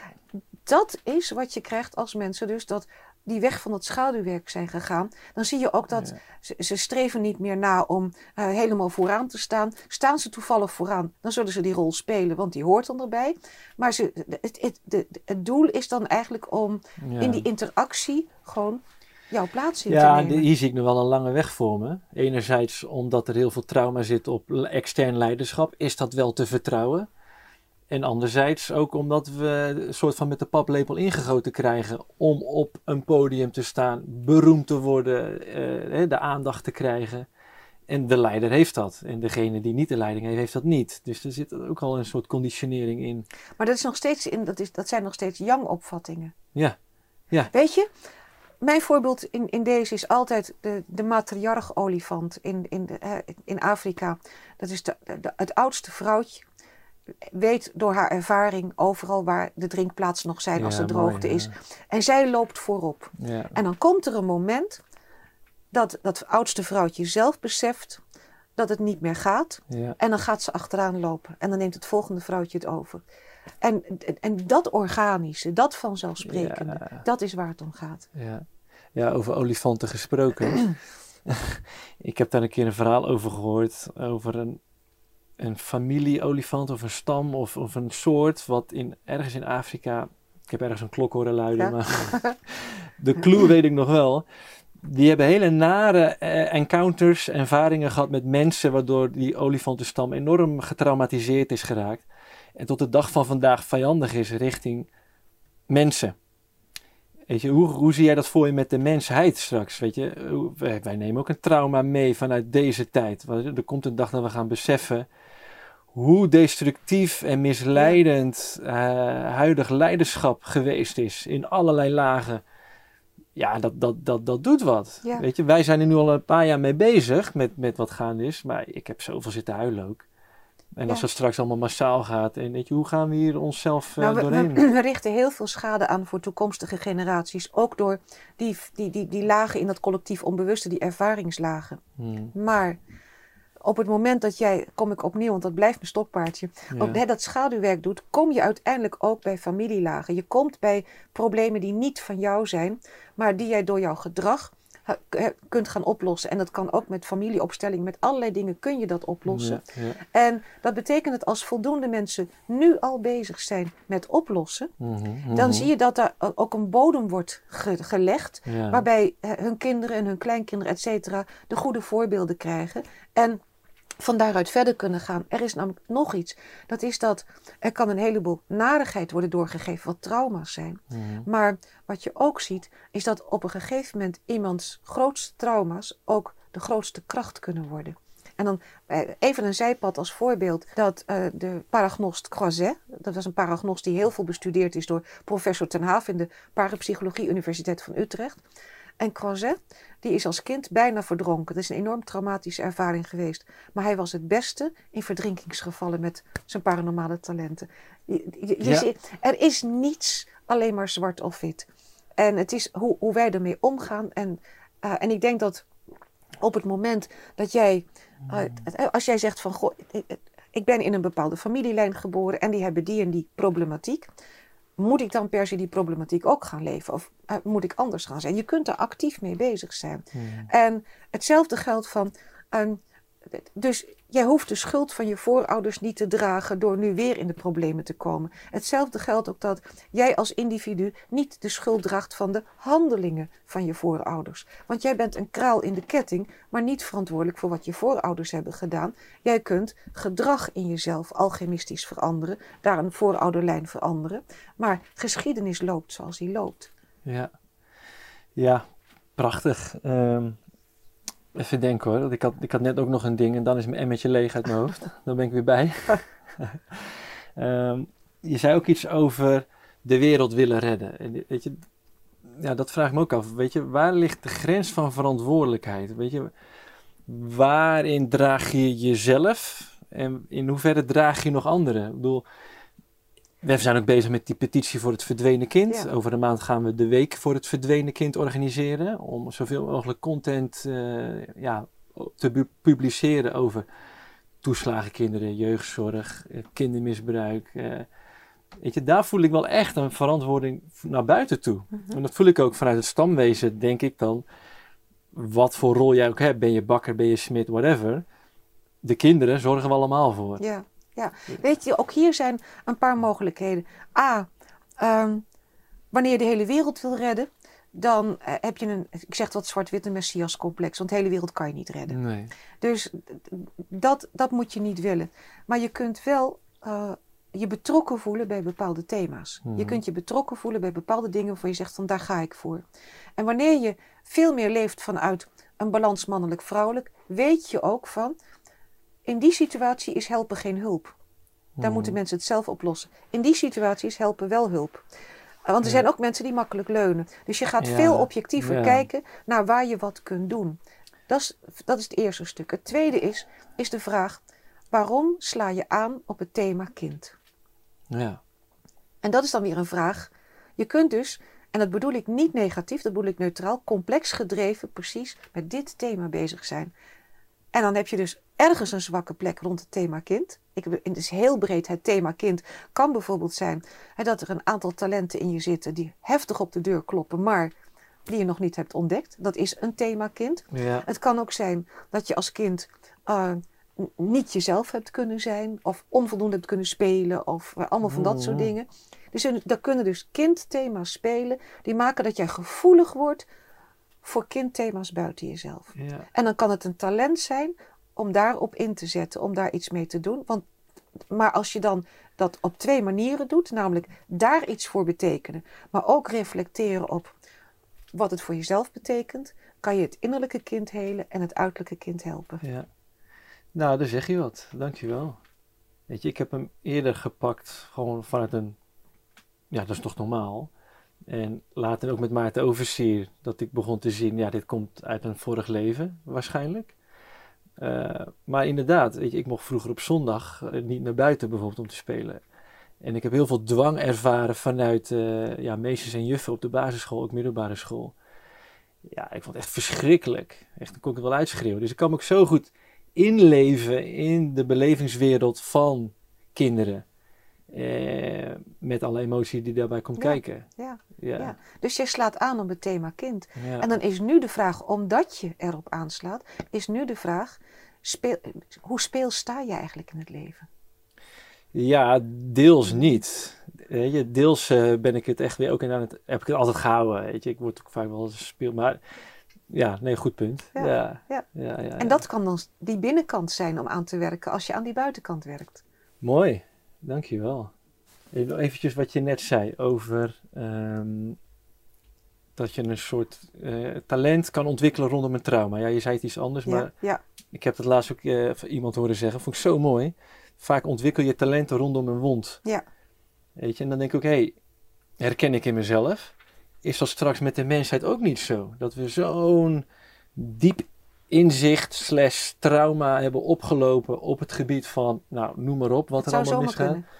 En dat we daardoor zo'n kloppend dienend leiderschap bijvoorbeeld, hè, nou vul ik het in, eh, gaan, gaan inrichten waarbij iedereen voelt tot in iedere cel eh, hoe essentieel en hoe belangrijk dat is. Ja, ik denk dat we inderdaad naar een, naar een hele nieuwe situatie toe gaan. Ik weet niet of ik dat nog zal meemaken, maar dat doet er niet toe. Ik kan eraan bouwen. Eh, Maar ik denk dat we naar een, naar een hele nieuwe situatie toe gaan, waarbij mensen weer de echte waarde van het leven gaan zien. Ja, En ook, eh, weet je, in het oude Egypte, dat vind ik zo mooi. Daar besefte men dat de, de, de, de wereld van de stof een verschijningsvorm was van het goddelijke. En als de mens gewoon met zijn blote pootjes op de aarde liep, dan liep hij op het lichaam van de god Geb, de god van de aarde. ja, Dat besef van die, die, die, die essentiële waarde van het leven, van de heiligheid van het leven, dat, dat komt, ben ik van overtuigd, komt terug. De termijn kan ik niet aangeven, maar het komt terug. En ik denk dat dit, als je zo in die donkerte bent- en dan komen we weer bij het begin, de Kali Yuga, daar, zitten die lichtpunten in en die zijn aan het groeien en die zullen dit dus terugbrengen. En het leuke is dat in Asclepios, die heeft, dat, die, eh, die heeft ge- gesprekken met Tot heeft hij beschreven. En dat is een, een, een literair werk uit de, uit de oudheid. En die zegt al dat eh, de, Egyptenaren zeiden van... eh, er komt een dag dat al de wijsheid van Egypte volledig verdorven zal zijn. Dat, dat, je, dat de lucht zal stinken, dat alles verdorven zal zijn. En, en in die ellende zal de mens de oude wijsheid en de goden terugvinden. Dat stond toen al en dat hou ik voor ogen. Dat is echt zo mooi. Ja, Ja. ja. ik zie het aan je. Ja. Ja. dat is het ook. Ja, prachtig. Hey, dan nog even over de, de huidige politiek en de machtsstructuur. Het gaat zichzelf eh, afbreken. Ehm, hoe, hoe zie jij dat eh, voor je? Wel- Welke stappen, welke fases? Ik heb je trouwens ook horen praten met, met Sander Burger toen over eh, Lord of the Rings. Ja, Hoeveel symboliek daarin zit. ongelooflijk. Ja, en de symboliek, dat is voor mij ook een reden waarom ik nou, met de kinderen, de kinderzaken bezig ben. In de Hobbit, hè, dat zijn die drie delen voorafgaand Ja. aan Lord of the Rings, dan heb je op een gegeven moment die vuurspugende draak. En die is eigenlijk onverslaanbaar. Die heeft alleen één zwakke plek. Hè, dus één zo'n schub Hm. is open. En daar kan die geraakt worden.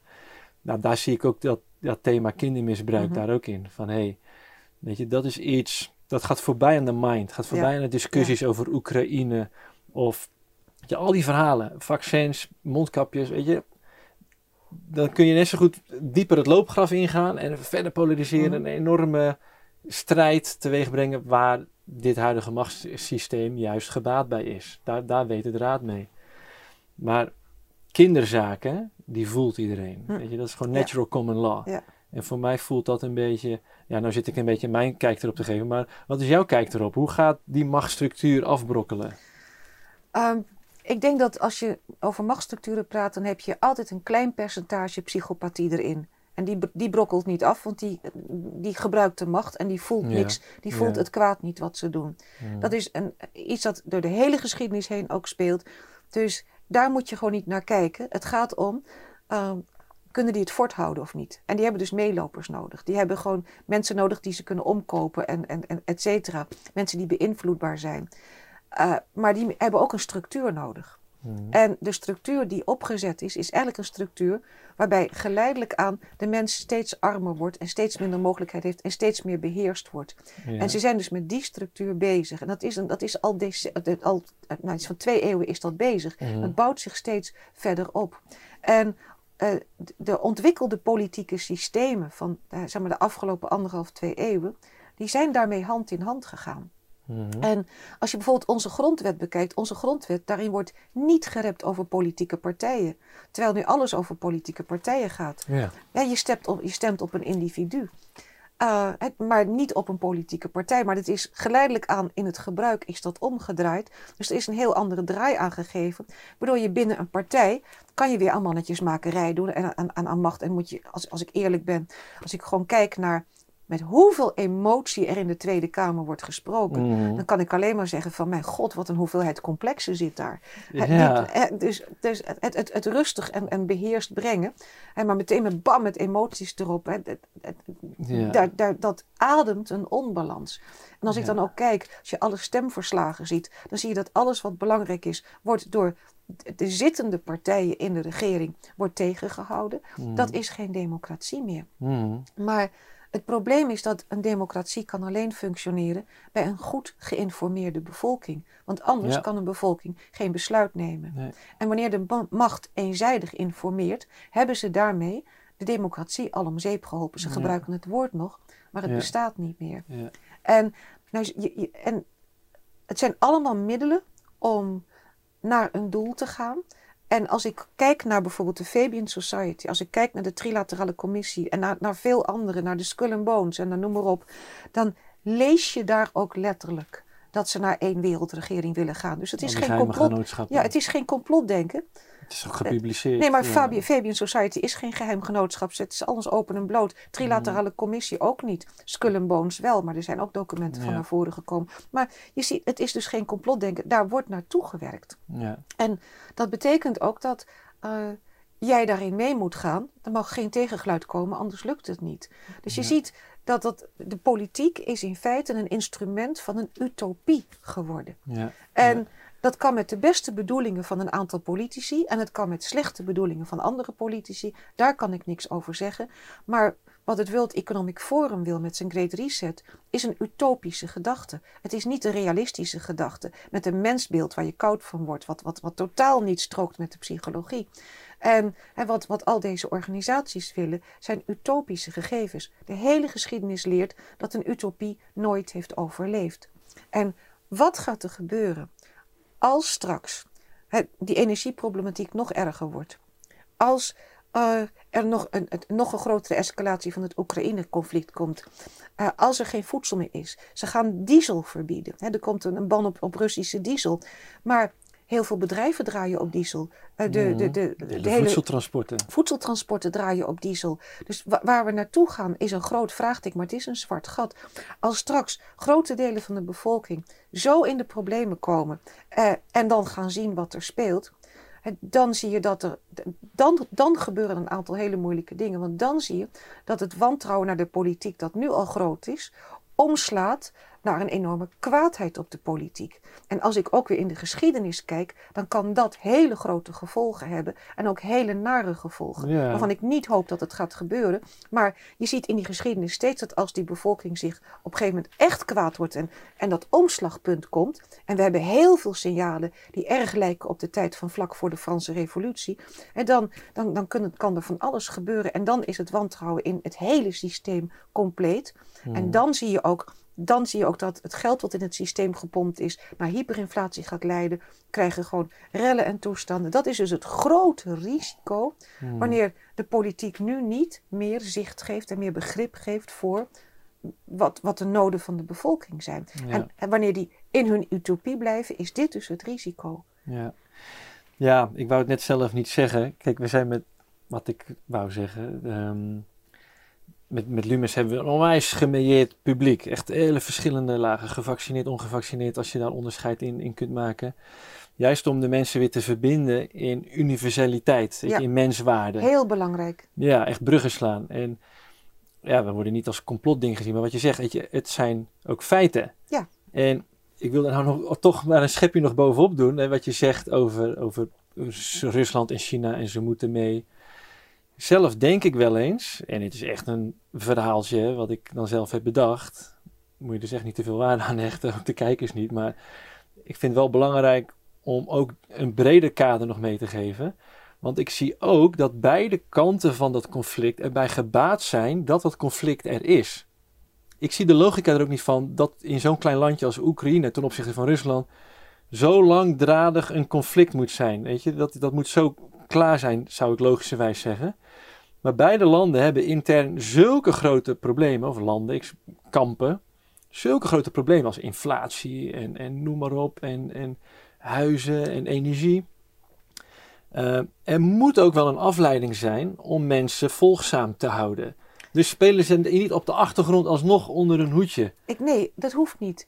Wat je, het, het kan, maar al die culturen hebben zich ontwikkeld binnen het yang-denken. Dus ze hebben yang-oplossingen en yang-reacties. Mm. En dat betekent dat je um, een handelsoorlog, die, daarop reageer je met een extra uh, hoeveelheid sancties van de andere kant. Ze zijn elkaar over en weer aan het sanctioneren. Ze zijn, ze zijn nog steeds op dezelfde manier aan het strijden. Maar geloof jij dat zij echt denken dat dat goede sancties zijn die hun dienen?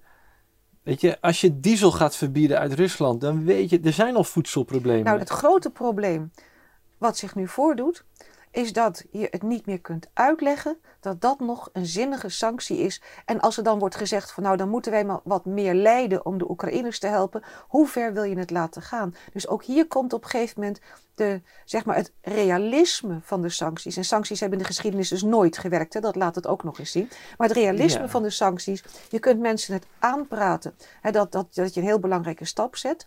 Hè, en dat je minder moet douchen, want dat is tegen Poetin. Maar het realisme van de sancties heeft historisch gesproken nooit goed uitgewerkt. En het enige wat we zien is dat Europa het punt of no return inmiddels gepasseerd is. En dat wij dus gewoon aan het afgeleiden zijn qua industrialisering, qua macht in de wereld. Ja, point of no return is voorbij. Het is voorbij. Hey, maar waarom weet jij al dit, dit soort dingen en in Den Haag niet? Ik lees alles wat zij niet willen dat ik lees. Ja, wa- waarom? Want je, wat, Ik wil weten wat ik niet mag weten. Ja. En dan weet ik meestal waar het probleem zit. Nou, maar dit is iets heel iets simpels. Sancties hebben nooit gewerkt. Nee. Dat, dat, dat kan Nou, iedereen weten. Kijk, Rutte is een historicus. Dat had hij moeten weten. En toch doet hij het. Dus daarom vraag ik me af: denk je echt dat hij gelooft in de werkzaamheid van die sancties? Wat belangrijk is om te beseffen is dat als jij lang functioneert in een bepaald systeem en dat systeem heeft een bepaalde utopische grondslag. Denk aan het World Economic Forum, hè, waar hij en Kaag en noem maar op allemaal het, het, het heel, heel dik mee zijn. Die hebben een bepaald, bepaalde kijk op dingen, een bepaalde opvatting. En als jij te weinig contact hebt met de verdere werkelijkheden, dan kun je in die utopie zo gaan geloven dat jij echt gelooft, met de beste bedoelingen, dat dit werkt. Dus je kunt niet zonder meer zeggen van hij is te stom of er zit een motief achter. Kan, maar het is ook mogelijk dat jij zo in groepsdenken zit. En ik heb dat groepsdenken fenomeen bestudeerd. Je schrik je te barsten. Mhm. Mensen kunnen zo enorm in die molen meegaan. Ja. Zo'n tunnelvisie. Dat, dat ze echt geloven hè, dat dit gaat werken. Of dat dit belangrijk is, et cetera. Ja. En, en ja, dan kom je gewoon op een gegeven moment, in, in- word je wakker in een andere werkelijkheid. En dat is gewoon heel moeilijk. Nou, dat is wat Van Haga ook zei toen hij eh, uit de VVD stapte, herinner ik mij. Die ging de politiek in, echt, hij was ondernemer en gewoon om, ja, niemand doet het op de manier waarop het zou moeten, dus ik ga het doen. En op een gegeven moment realiseerde hij zich, deze mensen leven in een, echt een enorme bubbel. totaal afgescheiden van de realiteit in het land. Ja. En daar schrok ik ook wel van. van Nou, weet maar Pechtold, die, eh, toen hij de politiek inging, die heeft eh, het echt moeilijk gehad in het begin. Want hij had al heel snel gezegd van Den Haag, dat is een grote slangenkuil. Ja, En, eh, en, en, en daar was hij nog vrij kritisch op. Nou, en het is gewoon een, een Haags mannetje geworden. Dus Ja. je kunt ook, eh, het oude Nederlandse gezegd, als je met pek omgaat, word je ermee besmet. Als je dus in, in zo'n glazen stolp zit, dan, dan, dan word je heel makkelijk deel van het systeem. Dus je moet echt een hele rechte rug hebben om bij je eigen principes te zitten. Want je, je wordt deel van de manier waarop er compromissen worden gesloten, handjeklap wordt gespeeld. En voordat je het weet, zit je in het, ja, zeg maar in het, in het grotere systeem. het staat ook echt te ver bij mij vandaan om het echt te kunnen begrijpen. Want laatst was er een motie, een hele reeks moties over de toeslagenkinderen. En één daarvan was met spoed alle onterecht uit huis geplaatste kinderen terug naar huis brengen. Ik vraag mij dan af, waarom moet het überhaupt een motie zijn? Ja. Weet je, denk eens na.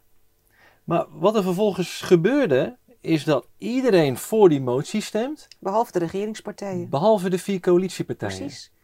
En hoe kan het land nog doordraaien na die dag? Hoe kan, hoe kan ieder Kamerlid nog elke dag naar de Kamer gaan? Hoe, hoe- Ja, ja. Ik, ik, ja, eh. ja, ik heb daar ook mijn vragen, grote vraagtekens bij. En als je dat gewoon stelselmatig ziet, dan zie je dat het een, een systeem is. Maar mijn vraag daarachter is dan: wat is het probleem om die kinderen zo snel naar huis te brengen? Die ouders weten niet eens waar de kinderen zijn. Weten zij wel waar de kinderen zijn? ja, dat vraag ik mij ook af. Ja, ik, dat is echt, ik, ik wil daar ook helemaal niet heen. Maar ja, weet je, wat een land, wat, Ja, een, wat, een, wat ja. een regering, wat is dit? Ja. Weet je, en, en wij proberen het dan ook zo, zo genuanceerd mogelijk te brengen met zo'n petitie voor het verdwenen kind. En op die website hebben we ook die motie geplakt. Kijk, dit is gaande met de toeslagenkinderen. Er is niet eens prioriteit om ze terug naar huis te brengen. Weet je, en we proberen andere echokamers te bereiken. De massa. En dat kan alleen op een genuanceerde, journalistieke manier. Ja, niet in die boosheid, niet in die, in die... Ja, maar als we het nu ook zo over hebben... Ja, ik, ik voel het gewoon weer van... Weet je, wat is dit? Ja, het, het thema kind is gewoon een. Door de hele geschiedenis heen zijn, zijn kinderen misbruikt geweest, et cetera, ontvoerd geweest Ja. en noem maar op. Dat is dus ook nog een thema dat vandaag de dag heel erg op de voorgrond treedt. En belangrijk is om onderzocht te worden en uitgeplozen te worden om de waarheid boven tafel te halen. Ja, Daarnaast zie je ook dat, eh, eh, d- dat de houding, eh, het- zeg maar de officiële houding ook is van nou, als kinderen een paar jaar niet meer bij hun ouders zijn geweest, is het voor de ontwikkeling van het kind het beste dat ze die ouders ook niet meer zien, want dat gaat storend werken, et cetera. Dus ook daar zitten hele idee fixes gedachtes die ook mee kunnen spelen, waardoor het dat- kind niet Dan vraag ik me weer af, hè, is dat oprecht of is dat een truc? Want hoe kun je nou zeggen dat dat voor een kind... Nou, in- Ik moet even een beetje afkoelen. Ja, maar- nee. Dat, Ja. ehm, bij alles kan alle twee een rol spelen. Je kunt oprecht in dat, in, in, in dat psychologische idee geloven. ja. En er kunnen ook mensen zijn. Het, het, het- we weten ook dat het onderbrengen van kinderen gewoon ook een verdienmodel heeft. ja, En dat is dat met jeugdzorg ook. gebleken. Precies. Ja. En daar, daar zijn ook aanwijzingen voor. Ja. Dus ehm, wat, wat belangrijk is, is om zo objectief mogelijk te gaan kijken naar van waar zijn echte aanwijzingen voor, hè, wat moeten we dus herstellen. En eh, als daar gewoon hele kwalijke zaken aan het licht komen, dan moeten die ook aan het licht komen. Maar er zijn altijd ook mensen met de beste bedoelingen die in die organisaties werken. Dus ik ben altijd Ja. voorzichtig om het zo over één dat, kant te is, scheren. dat is zo. Ja. Ja, ja, Nee, dat doe ik goed. Weet je, dat is... Anders eh, werkt het ook weer averechts. Ja. Weet je, je wil, eh, ja, je wil juist naar iets constructiefs eh, Ja, zoeken. precies. Ja. Het is meestal zo met onze podcast. Dat de swoon en de pit in het tweede deel zit. Maar ik vind het ook belangrijk om bij de basis te beginnen. Weet je? En voor mij is de basis ook echt eh, nou, het, het goddelijke, het eenheidsbesef. Weet je? Waar komen we vandaan? Wat is nou het diepste fundament van waarheid, wat we weten? Ja. En, en om het binnen dat kader En- ook te en- zien. en weet je, als je kijkt naar die, die, die hele ontwikkeling waarvan ik zei van die ontwaarding van het vrouwelijke, ja. eh, dat betekent ook eh, dat er een, een idee fix is gekomen van macht over het leven. Mm. Zeg maar in, in die yang-gedachte van wij sturen het en wij regelen het. Het betekent ook dat in datzelfde idee dat eh, jij meester bent over het leven, dat je dus jonge mannen als kanonnenvoer kunt gebruiken. ja. Nou, he- wat je ziet is in die oude moederreligies, die cyclisch waren, waren er geen oorlogen. Er is niets aan archeologisch bewijs gevonden dat er oorlogen waren. Dat is met die opkomst van het yang-denken gekomen. Dus het, het, het misbruik maken van het leven is in feite, want het, het is niet alleen kinderen, het is ook gewoon jongens naar het front sturen en ze, en, en ze daar laten vechten. En, Pionnen opofferen. Lopers. Precies. Het- en dat moeders ook zeggen van ik baar geen kinderen als kanonnenvoer. En dat, Mm. dat is het probleem. Dus het gaat om veel meer. Het gaat om die hele houding naar het leven. Het gaat om die houding naar van het idee van wij kunnen het wel sturen en wij zijn meesters over leven en dood. Dat, dat is een, een, een houding die je ziet bij doorgeschoten yang. Mm. En dat gaat tot en met van hele bevolkeren opofferen. Het is ook de mensen die hun energierekening niet meer kunnen betalen. Die moeten een offer brengen voor een utopie. Dat is ook allemaal. Dus het, het leven zelf wordt niet gegarandeerd. Het leven zelf wordt niet geëerd. Ja. Terwijl het, het, het, zeg maar, vanuit die moederreligies zou dit gewoon onmogelijk zijn. Hè, daar zou het opofferen voor een een of ander idee. Nee, je geeft mee met de jaargetijden. Je gaat mee met, met, met, met, met, met wa- wat er is. En als er niets is, dan ga je delen. Dat was Ja, het. ja. Dus het is een heel andere instelling. En die instelling, die zie ik terugkomen op een andere manier. Want en dat, dat vind ik ook zo mooi van dat werken met Jungiaanse psychologie. Je ziet dus in die moederreligies, en ik heb me daar heel erg mee bezig gehouden van hoe was dat en, en wat, hoe is de symboliek eruit ontstaan, et cetera. Nou, archeologen die hebben als ze, als ze opgravingen deden uit de prehistorie gezocht, de, de, de, de, de oude steentijd, gezocht naar ehm, of, er, of ze ergens het graf van de hoofdman of de hoofdvrouw konden vinden. Nee, Mhm. nergens. Iedereen kreeg dezelfde grafgiften mee. Dus er was geen, ge- geen, geen, geen hoofd. Er was Ja, dus ja. veel meer een organisch samengaan, waarbij Ala de matriarch van de olifanten een vanzelfsprekende leidende rol had en achteraan sloot als het niet meer kon. Dus dat, Prachtig. dat, dat was dat, dat gelijkwaardigheid. Dat was die gelijkwaardigheid, maar onbewust. Mensen Ja, waren, mensen, waren ja. cyclisch en natuurlijk. Eh, Het dood was geen dood, leven was geen leven. Het was gewoon, je was deel van het hele organische geheel. Ja. En dan komt op een gegeven moment komt die bewustzijnsontwikkeling. Dat, dat, hè, de- zeg maar, dat onderscheidend vermogen. Dat heeft heel veel gebracht. Het heeft techniek gebracht. Het heeft gemaakt dat we nu podcast kunnen maken. Het heeft heel veel gebracht. Maar dat is dus die yang-ontwikkeling. En die yang-ontwikkeling, hè, die was. Dan zie je ook eigenlijk dat. Eh, nou, ik, ik, als ik een zwangere vrouw zie, ik vind het een machtig beeld. Moet je, moet- dat, dat, dat lijf dat daar gewoon dat nieuwe Ja. leven schept. En dat dan die wereld in. Geweldig. Ja, een Dat vriend van echt- mij is, is laatst vader geworden en hij stuurde is- een geluidsopname van de bevalling. Ja. Nou, echt, wauw, wat een oergeluiden. Ja, nou, voor mij, voor mij zijn mijn twee bevallingen gewoon het mooiste geweest wat ik heb meegemaakt. Ja, dat geloof Echt ik. het mooiste. Zo. Dat ik heb, ik, ik voelde me zo verbonden met, met die talloze vrouwen voor mij die dat leven hebben doorgegeven. Het was een bijna kosmische ervaring. Dat het was ook wel lachen, want toen was ik net bevallen van mijn eerste. Ja. En ik, dat was zo'n machtige ervaring. Dat ik, ik, ik zei van, ik wil nog een kind. en toen zei de Ja. voetvrouw, zou je het niet eerst even bij deze houden? maar goed, dat is echt Verslavend. Echt, het, het, was zo bijzonder. Dat, dat, maar dan, dan zie je dat. En dan staat een vrouw in haar oerkracht, in haar scheppende kracht. Hmm. En wat je nu ziet is dat zwangerschap een gezonde ziekte wordt genoemd. En dat er allemaal, eh, dat het in de gaten moet worden gehouden. En, en, en, en, ja, en, en noem maar op. En, Daar heb ik ook verhalen over gehoord, hoe destructief de medische wereld daarmee omgaat. ja, nou, ik ben daar heel makkelijk in geweest. Dat, eh, Ja. ik, ik, eh, ja, ik, ik vertrouwde mijn lichaam. En ik heb een vroedvrouw gehad. Ik Ja. heb de bevallingen thuis gehad. En het is allemaal prima gegaan. En daar ben ik gewoon heel gelukkig mee. Maar op het moment dat jij als vrouw niet meer... eh, in, in- zeg maar, je eigen lijf vertrouwt, niet die tempel van je ziel vertrouwt, Juist. niet, niet, niet in dat gevoelscontact staat, niet dat gevoel hebt met, met dat kind Ja. in je buik dat groeit, dan, dan ga je vertrouwen op boeken en op, het, op, op, op zij die het weten. Ja, En- ja, ja, ja. Nou, daar dacht ik dus niet aan. Dat, eh, dat, Nou, weet je, ik ben, ik ben blij man te zijn, maar Ja. op dit soort momenten denk ik echt van zo. ja, het is Maar echt dit is een unieke ervaring, weet je, wat mannen gewoon nooit kunnen ervaren. Ja, precies. Nou, maar toch, wij, toen, toen, eh, eh, toen ook van mijn eerste, eh, de, de, de bevalling zich echt inzette eh, en ik gewoon die weeën kreeg. Nou, ik ging ontspannen op de bank zitten. Ik kon, het eerste weeën zat gewoon flink tijd tussen. Ik viel tussen die weeën in slaap. En, en het, Hans die liep daaromheen en hij voelde gewoon wanneer er bij mij weer een wee aankwam. Ja. En dan was hij er en dan pakte ik zijn handen beter even zo. En dan kon ik weer ontspannen. En zo hebben we dat eigenlijk samen gedaan. En, ja. en ja, het was zo mooi. En ook bij de, bij de Ja. bevalling van mijn dochter. Daar, we hebben mijn zoon gewoon verteld. Hè, die was toen drie, eh, bijna drie. Van, eh, nou, er groeit nou een kindje in de buik. En het groeit in een, ja, in, een, in, een, in een bubbel van bloed en water. En dat komt er straks uit. En dat is geen oud bloed. Hè, dat is geen pijnbloed. Maar Ja. dat komt er dan gewoon uit. Ja. En als je wilt, mag je daarbij zijn. Want, eh, nou, en dat, dat, was voor hem zo vanzelfsprekend. En Ja. echt op het moment suprême. Dat was ook zo mooi. En ik weet dat ik me kan beheersen. Dus als het echt moeilijk was geweest, ik kan, ik kan mij heel goed beheersen. Dus Ja. ik vertrouwde daar ook op. Maar het ging prima. En op een gegeven moment zet, duwt hij die vroedvrouw opzij. Hij kijkt naar, gewoon, en, naar mij, naar mijn onderlichaam. En hij zegt van, mama, ik zie het hoofdje al. Nou ja, ik bedoel, grote geschenk kan je toch niet hebben. En hij was er dus helemaal bij. En die, die, die twee die hebben ook eh, toen zo'n goede band gehad. Nog steeds hoor, maar Ja. echt dat, eh, weet je, dan denk ik van, dat is voor mij vrouw zijn. En, dat, Ja. en, en het, het- ik voelde me soeverein over mijn lijf. En tegelijkertijd helemaal meegeven. Gewoon als eenmaal die, die, die, persweeën het gaan overnemen, dan stormt je lijf. Maar het- je lijf doet het. Je hoeft alleen maar mee te geven.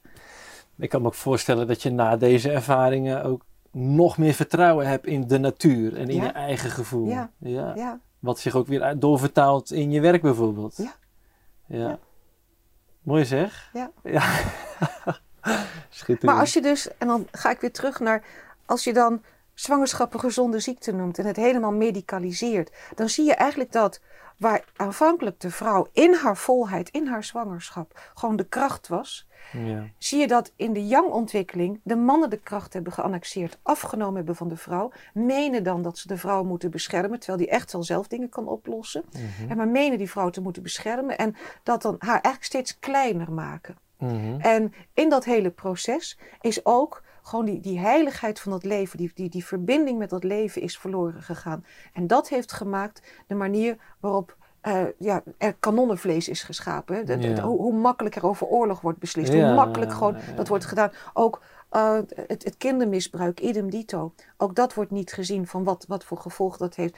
Er wordt niet stilgestaan bij de heiligheid van het leven. En dat heeft allemaal ook te maken met die ontwaarding van dat vrouwelijke. En dat komt terug. Ja. En daardoor komt Ja. er ook nu zoveel aan het licht. Ja, ik, hoe ik het ook zie is dat de meeste mensen, die, die zitten daar ook al voor een, voor een groot deel. Julian Assange bijvoorbeeld, die, die heeft aangetoond dat alle oorlogen, alle grote oorlogen praktisch van de afgelopen 100 jaar, zijn allemaal gestart, of ze zijn, waren mogelijk doordat de media ehm, een verdraaide weergave gaf van de realiteit. Propaganda, ja. Ja, weet je, de media. ja dat maar de media die zijn, zo- in, die zijn in handen van het grootkapitaal 80 Ja. Dus, dus wat wil je? Die krijgen dat gewoon bepaalde dingen ja, net gekleurd worden, net verdraaid Ja. worden, dat net iets geframed wordt. En daar kun je ook uit opmaken dat de mensen willen helemaal geen oorlog. Ja, willen ze er überhaupt niet? Nee, weet je, maar toch, weet je, de mensheid heeft de vorige eeuw meer dan 100 miljoen mensen vermoord. Ja. Hè, nog los van de leugens rondom roken bijvoorbeeld. Ik noem gewoon één. één ja. Het is verschrikkelijk hoe, we, hoe, we, hoe destructief eh, Ja. het kan zijn. Ja. Weet je, en daarin zie ik ook weer, bewustzijnsniveau is lager dan het creatieniveau. Dus er is echt een balanskracht nodig. Of om het creatieniveau omlaag te doen, of om het bewustzijnsniveau omhoog een schop onder de kont te geven. Ja, en het zeg gaat, gaat parallel. En het is ook het is de boek Henoch tijd. Dat, eh, Wat is het boek de, gevallen, de gevallen engelen. Ja. Dat, dat, dus, dus weer die tijd dat eh, de psychologische ontwikkeling van mensen achterloopt bij hun technische ontwikkeling. Waardoor Ja. de techniek destructief gebruikt wordt. Ja, ja, ja. Ja, ik heb in Delft ook al eens gehoord over de, de grote bommen, de grootste bommen die gebouwd zijn. Dat werd zo iemand geïnterviewd. En die zei echt letterlijk inderdaad, eh, ja, ik bouw gewoon een zo, zo goed mogelijke bom. En het is niet mijn verantwoordelijkheid eh, of die afgestoken wordt. Ja, Ik echt, ja. Huh? ja. Ja, ja dat, dat, dat begrijp ik dan weer Nee. niet. Nee, dat is dus gewoon Ja. de mentaliteit van het oude. Kijk, als je een bom maakt die de hele planeet op kan blazen. Ja, ik schiet ervan in de lach, want ik snap het niet. Hoe kun je zo'n bom bouwen? Weet je, waar, waar, waartoe dient dat? Er is geen raket die hem de ruim- ruimte in kan schieten of zo. Weet je? Hij kan alleen maar hier afgaan. Wie denk jij daarmee te kunnen helpen? Maar de- daar sta je niet bij stil. Dat is op het moment dat eh, je geen innerlijke balans hebt. En dus helemaal in dat yang-denken zit. Dan is alleen maar de prestatie, het patent, eh, de inkomsten, et cetera, de eer. Dat is wat belangrijk is. Dat is wat telt. Ja, ja. Ja ik, vind, ik vind het ook razend fascinerend, dit allemaal. Weet je, die menselijke psychologie. Maar weet je, dit, wanneer je dit soort hele grote uitwassen ziet en die, onze Ja. destructieve kracht is, is bizar groot geworden. Als je dat ziet, Mhm. en dan ga ik terug naar het boek Job waar ik het ook over had. Ja, Dat ehm, eh, Job die, ehm, als ik het heel kort vertel, want het is een heel mooi verhaal. Job die is een ontzettende, eh, eh, is een godvruchtige man. eh, houdt heel veel van God, dient hem helemaal, is heel religieus. Mhm. Heeft het ook goed. En dan gaat de duivel gaat naar God en die fluistert God in. Je moet Job te grazen nemen. En God doet dat. Nou, dat is natuurlijk heel bizar hè, voor de Bijbel. Dat is natuurlijk heel Dit bizar. verhaal, ik, Ja. ik was een keertje aan het daten met een eh, Marokkaanse vrouw. En eh, ze- zij was islamitisch. En, ze vroeg aan mij iets, kun je iets vertellen over de Bijbel? Toen vertelde ik dit verhaal van Job. Ja. Zij was gelijk klaar. Wat is het voor een raar verhaal? Waarom laat jouw God zich eh, verleiden door het kwaad? En gaat hij Maar- een van zijn trouwste dienaren Maar, kwaad het, het, aandoen? maar het heeft een doel. Het heeft Ja. zo'n mooi doel. Want, nou, Job, die, eh, het- het- zijn vee ging eraan, zijn vrouwen, eh, hij werd ziek. nou, het, het werd alleen maar ellendiger en ellendiger. En dan zit hij in de diepste ellende. Ja. En dan zegt hij van, ik begrijp nu wie God is. God staat boven goed en kwaad. God is. En als hij tot dit kwaad in staat is, dan moet zijn goede kant oneindig zijn. En hij bleef trouw aan God. Ja. En daarmee had hij begrepen dat goed en kwaad bij elkaar hoorden. En had hij als het ware God zich bewust gemaakt van zichzelf.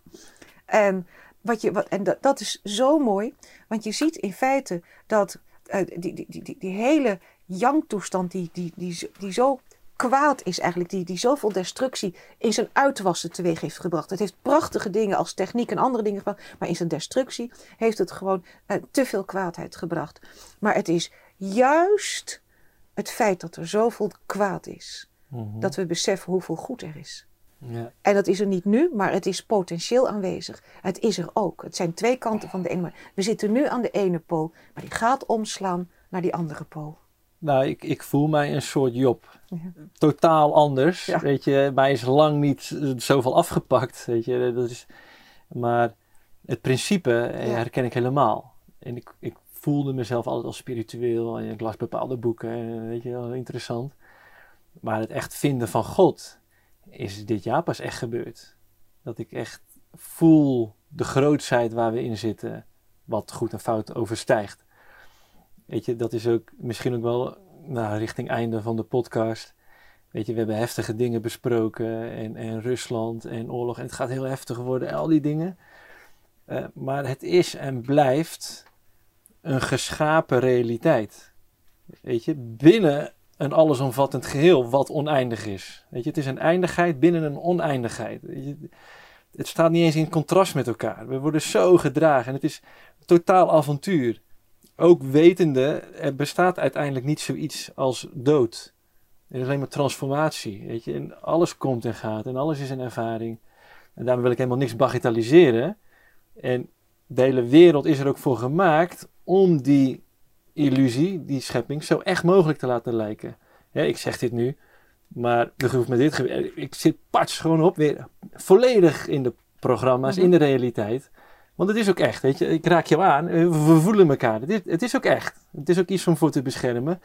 En ja, ons hart te volgen. Ons enthousiasme te volgen. Wat klopt, wat, wat, ja, wat, wat dient voor dit moment. Ja, en daarin thuiskomen, ja, dat is eh, wat er is. Nou, het is, het is heel bijzonder om, wanneer je het grote plaatje hebt, Ja, eh, wanneer, en ik noem dat, dat is dan mijn waarheid, want je kunt nooit de hele waarheid omvatten, maar in ieder geval dat grote plaatje. En je hebt die, die voeding vanuit iets hogers, het goddelijke, het spirituele, hoe je het noemen wilt. En tegelijkertijd de verbinding kunt leggen met het leven van alle dag. Mm. Daarin kunt functioneren. Dus nog gewoon je sokken kopen en dat soort dingen. Dus gewoon op, op, op dat niveau. Met de problemen die zich daarvoor doen omgaan. Maar dan vanuit die balansgedachte. Ja. En, eh, en je zult daar, net als ieder ander, zal je gewoon straks ook legenschappen zien. En je zal ook voor problemen komen te staan. Om dan eh, die boosheid een plek te geven. Mm. Te accepteren, een plek te geven. Maar als jij al in die balansgedachte zit, kan je steeds terug Omdat je het gevoel hebt dat je in een zinvolle tijd bent, hoe zinloos het ook lijkt. Oh, ja, mooi. Ja, ja. Nou, dat, dat helpt voor mij in ieder geval ook heel erg. Weet je, ik hoop dat het voor anderen ook iets, uh, iets kan betekenen. Want ja, dat, dat is het. Als je besef hebt, dan kan die mind ook tot rust komen. En daar komen alle heftige emoties vandaan, uit die mind. Ja. Als je gewoon bij de waarneming blijft, ja, dan kan je gewoon navigeren en handelen naar de situatie. Ja, ja. En tegelijkertijd ook rekening houden hè, dat kinderen op school geen eten hebben. En dat je, dat, dat je dus ook op het gewone vlak, hè, dat, je, dat je daarvan uit compassie uh, zeg maar, kunt besluiten om hier een aantal dingen te doen en daar een aantal dingen te doen. Dus te helpen om die andere mentaliteit ook inderdaad daadwerkelijk vorm te geven. Ja, ja. ja echt vanuit enthousiasme. Ik, ik... Maar dan is, het, dan is het echt, dan heb je in de Bijbel staat, zo gij niet wilt dat u geschiet, zo doet het ook een ander niet. Mm. Dat hoef je niet eens meer te horen, want dan leef je het. Dan leef je het, dan ben je het. En, Precies, en, ja. en, dat, is, dat is echt iets anders. Niemand hoeft het je meer te vertellen. Ja, ja, precies. Weet je, dat is een heel waardevol stukje uit de Bijbel. Want die wil dat u geschikt, Ja. het ook een ander niet. Ik ken hem ook heel goed. Ja. Heel mooi om mensen nou, door die andere Kali-yuga's heen eh, te loodsen, zeg maar, als houvast. Maar uiteindelijk thuiskomen in een weten. En dat we bij wijze van spreken alle boeken gewoon achter ons kunnen laten. Ja. Ja, Doe ik niet, want ik lees het graag. ja hè? ja, het is ook heerlijk. Kopje thee erbij, kaarsje aan. Zeker weten. Ja. Hey, mag ik jou hartstikke bedanken. Graag gedaan. Ja, ik vond het echt eh, schitterend. Dankjewel. Heb jij nog een laatste ding wat je kwijt wil? Aan de kijkers of aan mij? Nee, eigenlijk is alles gezegd. Het, het- waar het om gaat is wees vooral jezelf. Ja, Maak je eigen keuze. Eh, sta voor jezelf. Ontdek je eigen kracht. Zorg dat je die balans tussen het mannelijke en vrouwelijke hebt. En, en durf, durf in die kwetsbaarheid te voelen en er te zijn. ja. Ja, prachtig. Ja. Oh, amen. Dankjewel. Nou, beste kijkers, ik hoop dat jullie genoten hebben van eh, deze ene laatste aflevering waarschijnlijk. Ik vond het geweldig, nou, dat jullie wel gemerkt hebben. Ehm, zo ja, geef het een like op YouTube. eh, schrijf je in op onze nieuwsbrief op onze website. Ehm, wij zijn dus gebaat bij financiële donaties en boekverkopen. Dat houdt ons draaiende. Eh, volgend jaar gaan we weer met een heel nieuw concept van start, is het idee. Nou, daar gaan we lekker over invoelen deze winter. En teken de petitie voor het verdwenen kind op www.petitieverdwenenkind.nl. Hartelijk dank en tot de volgende keer.